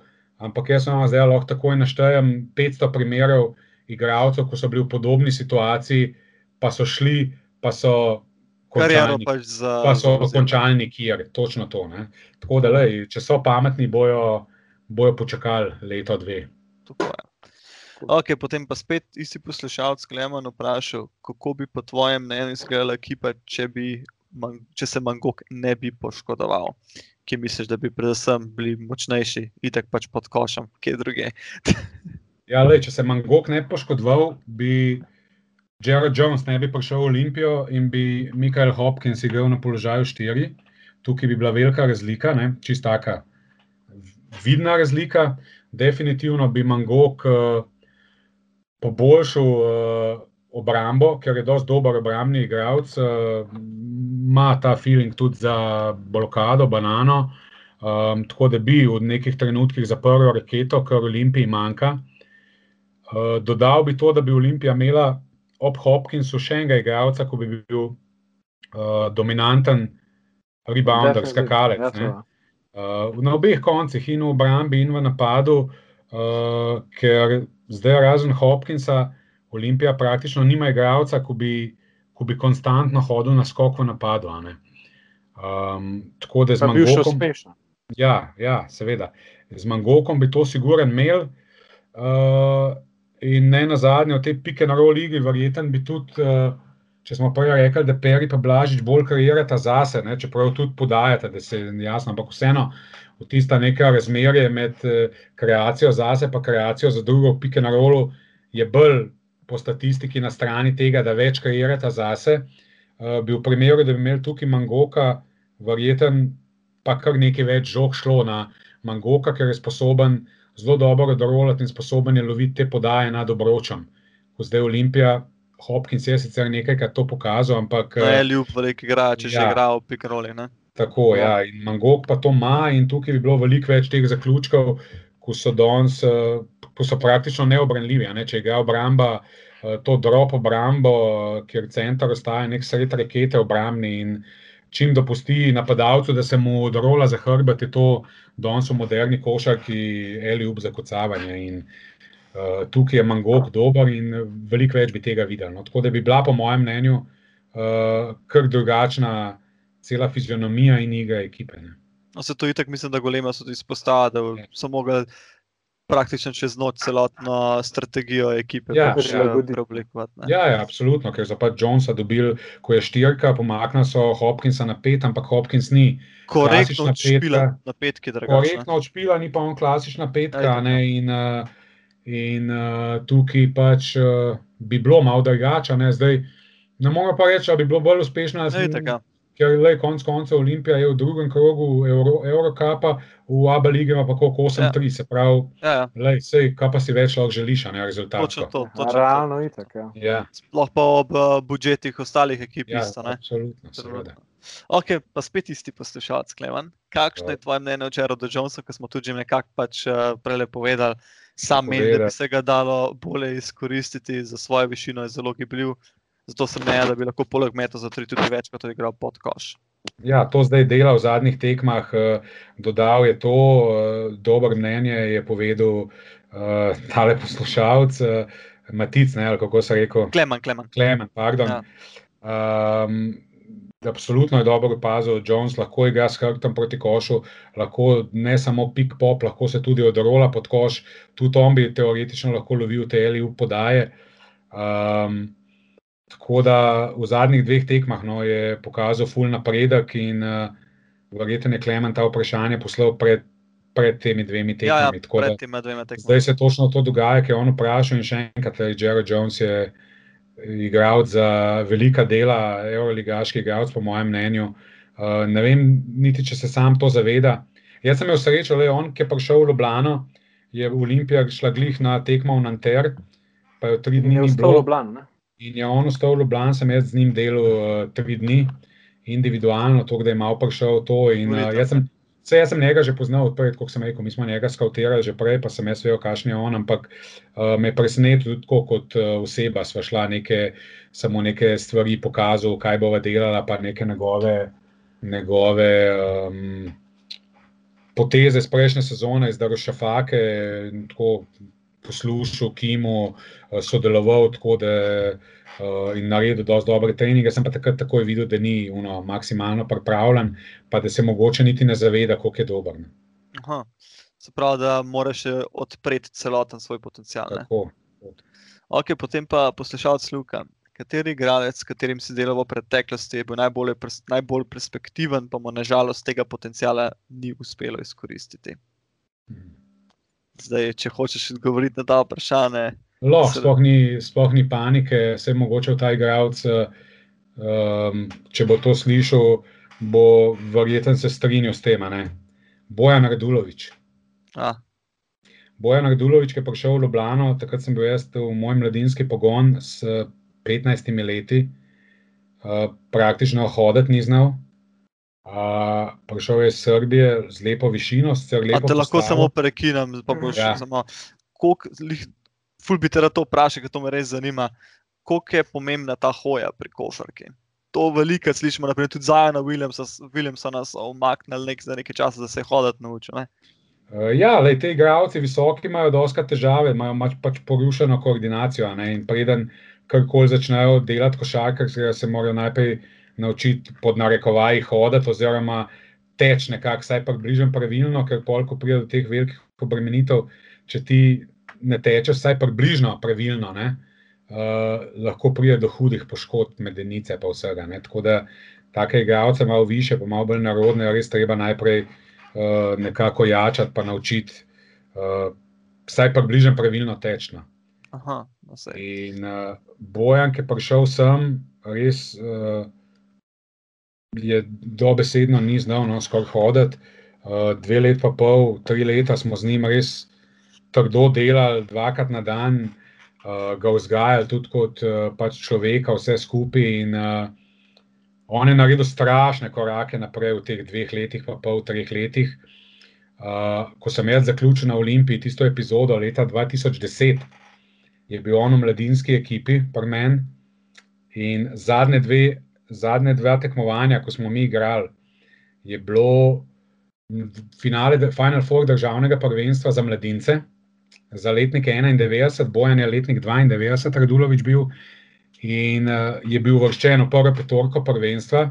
Uh, dobesedno v finalu, mi smo bili prvaki in v finalu smo premagali za Toro Klaško. On je dobesedno pojedel na tej tekmi uh, Nurkiča, Omiča in Dimca, vse tri skupaj. To so bili vsi trije igralci v eni ekipi, se pravi, ja. zlato roke ekipi. Ne? On jih je dobesedno pojedel, ne? vse te tri igralce. Uh, obstaja na YouTubu posnetek te finalne tekme, Zlato roko Union Olimpija 2010, mladinci. Si bom pa jaz prosil, zdaj le neštimati, kar naprej govorim. Uh, pol takoj zatem smo pa mi leteli v Pariz, ker smo igrali na uh, finalnem mladinskem turnirju Eurolige ko se vsak leto odvija usporedno z, v isti dvorani kot eh, Final Four Eurolige, se odvija Final Eight mladinske Eurolige. Ti se moraš tja pač uvrstiti prek nekih turnirjev. Mi smo se takrat dve leti zapored to generacijo uvrstili na ta turnir.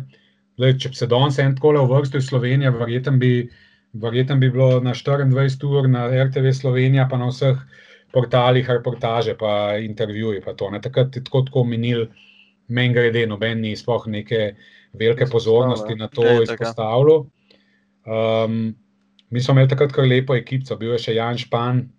Um, mi smo zraven Klemna Prepeliča v tej ekipi, ki je takrat dva meseca z nami treniral, preden smo šli, kot gosta smo ga imeli pač zraven.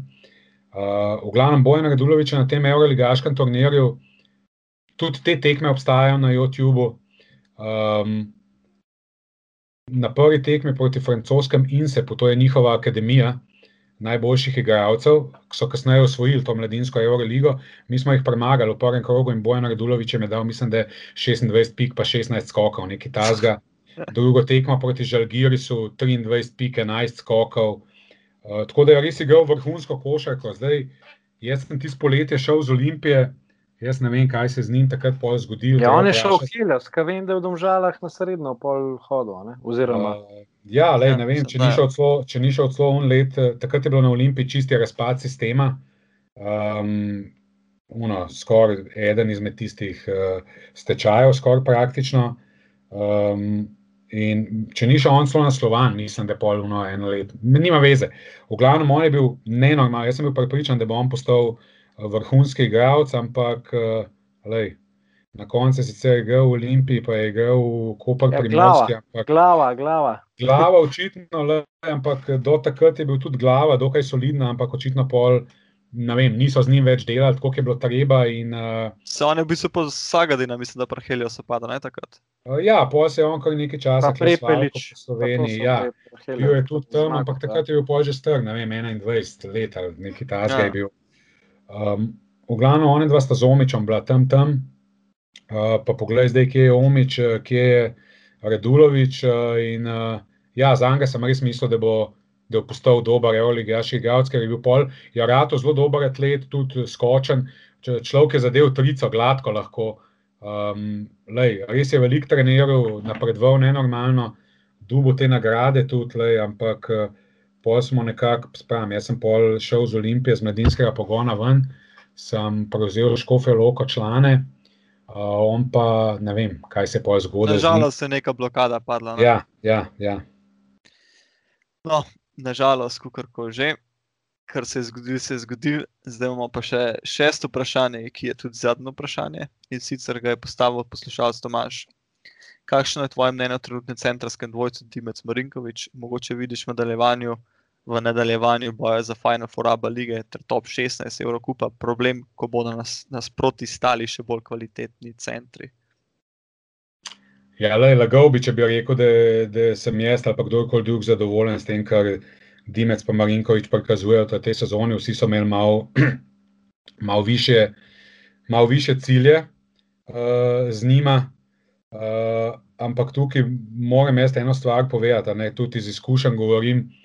Marsikšen igralec, ko je igral v drugem slovenskem klubu, bodi si v Heliosu, v Zlatorogu, uh, konc koncev v Koper Primorski, ta isti igralec je v eni sezoni dobesedno razturil Olimpijo, je dal 20 pik, pobral 10 skokov, uh, potem je pa prišel v Olimpijo, pa ga ni bilo. Takih primerov je Ja. na, Na, več kot pozitivnih. na Isto desetine v zadnjih desetih letih. trenerskih, konc koncev. Ja, ja, dobesedno. In takih primerov je na desetine v zadnjih letih, um, kar je kar neka, ne vem, neka Fama. čudo, neka fam, mislim, ne vem, lej, zakaj se to dogaja. Oziroma, vem pač, lej, ni isto igrati, ni isto igrati v Kopru ali pa Heliosu ali pa Zlatorogu ali pa v Olimpiji, ker je stalen pritisk, ker te stalno spremljajo mediji, ker si, lej, igraš, ne vem, v, v Kopru ali pa Heliosu ali pa Zlatorogu, odigraš tri slabe tekme in nikome Pa te še no. linčajo. Ne, Pač. Ne, tam, tam ne, ne, to ti hoče. Če igra- tle, tle pri nas, Ja. pa v Ljubljani, pa odigraš eno slabo, pa vsi, uh, pa vsi o tem uh, govorijo in pišejo in te linčajo, tako kot se reko. Ne? Tako da tukaj treba biti res uno, uh, ful močen mentalno, da, da to prebrodiš in res ni zastojno reči, da res uni pol sam najjači ostajo. Ne? Tako da, Sam, ki je Ampak- bil pre-season res dosti soliden, saj strani Marinkoviča. Ja, točno Ja. to je. ja, Bayern je tako je pod koš, Bayernu, ne. no, pismo. Ja, ja.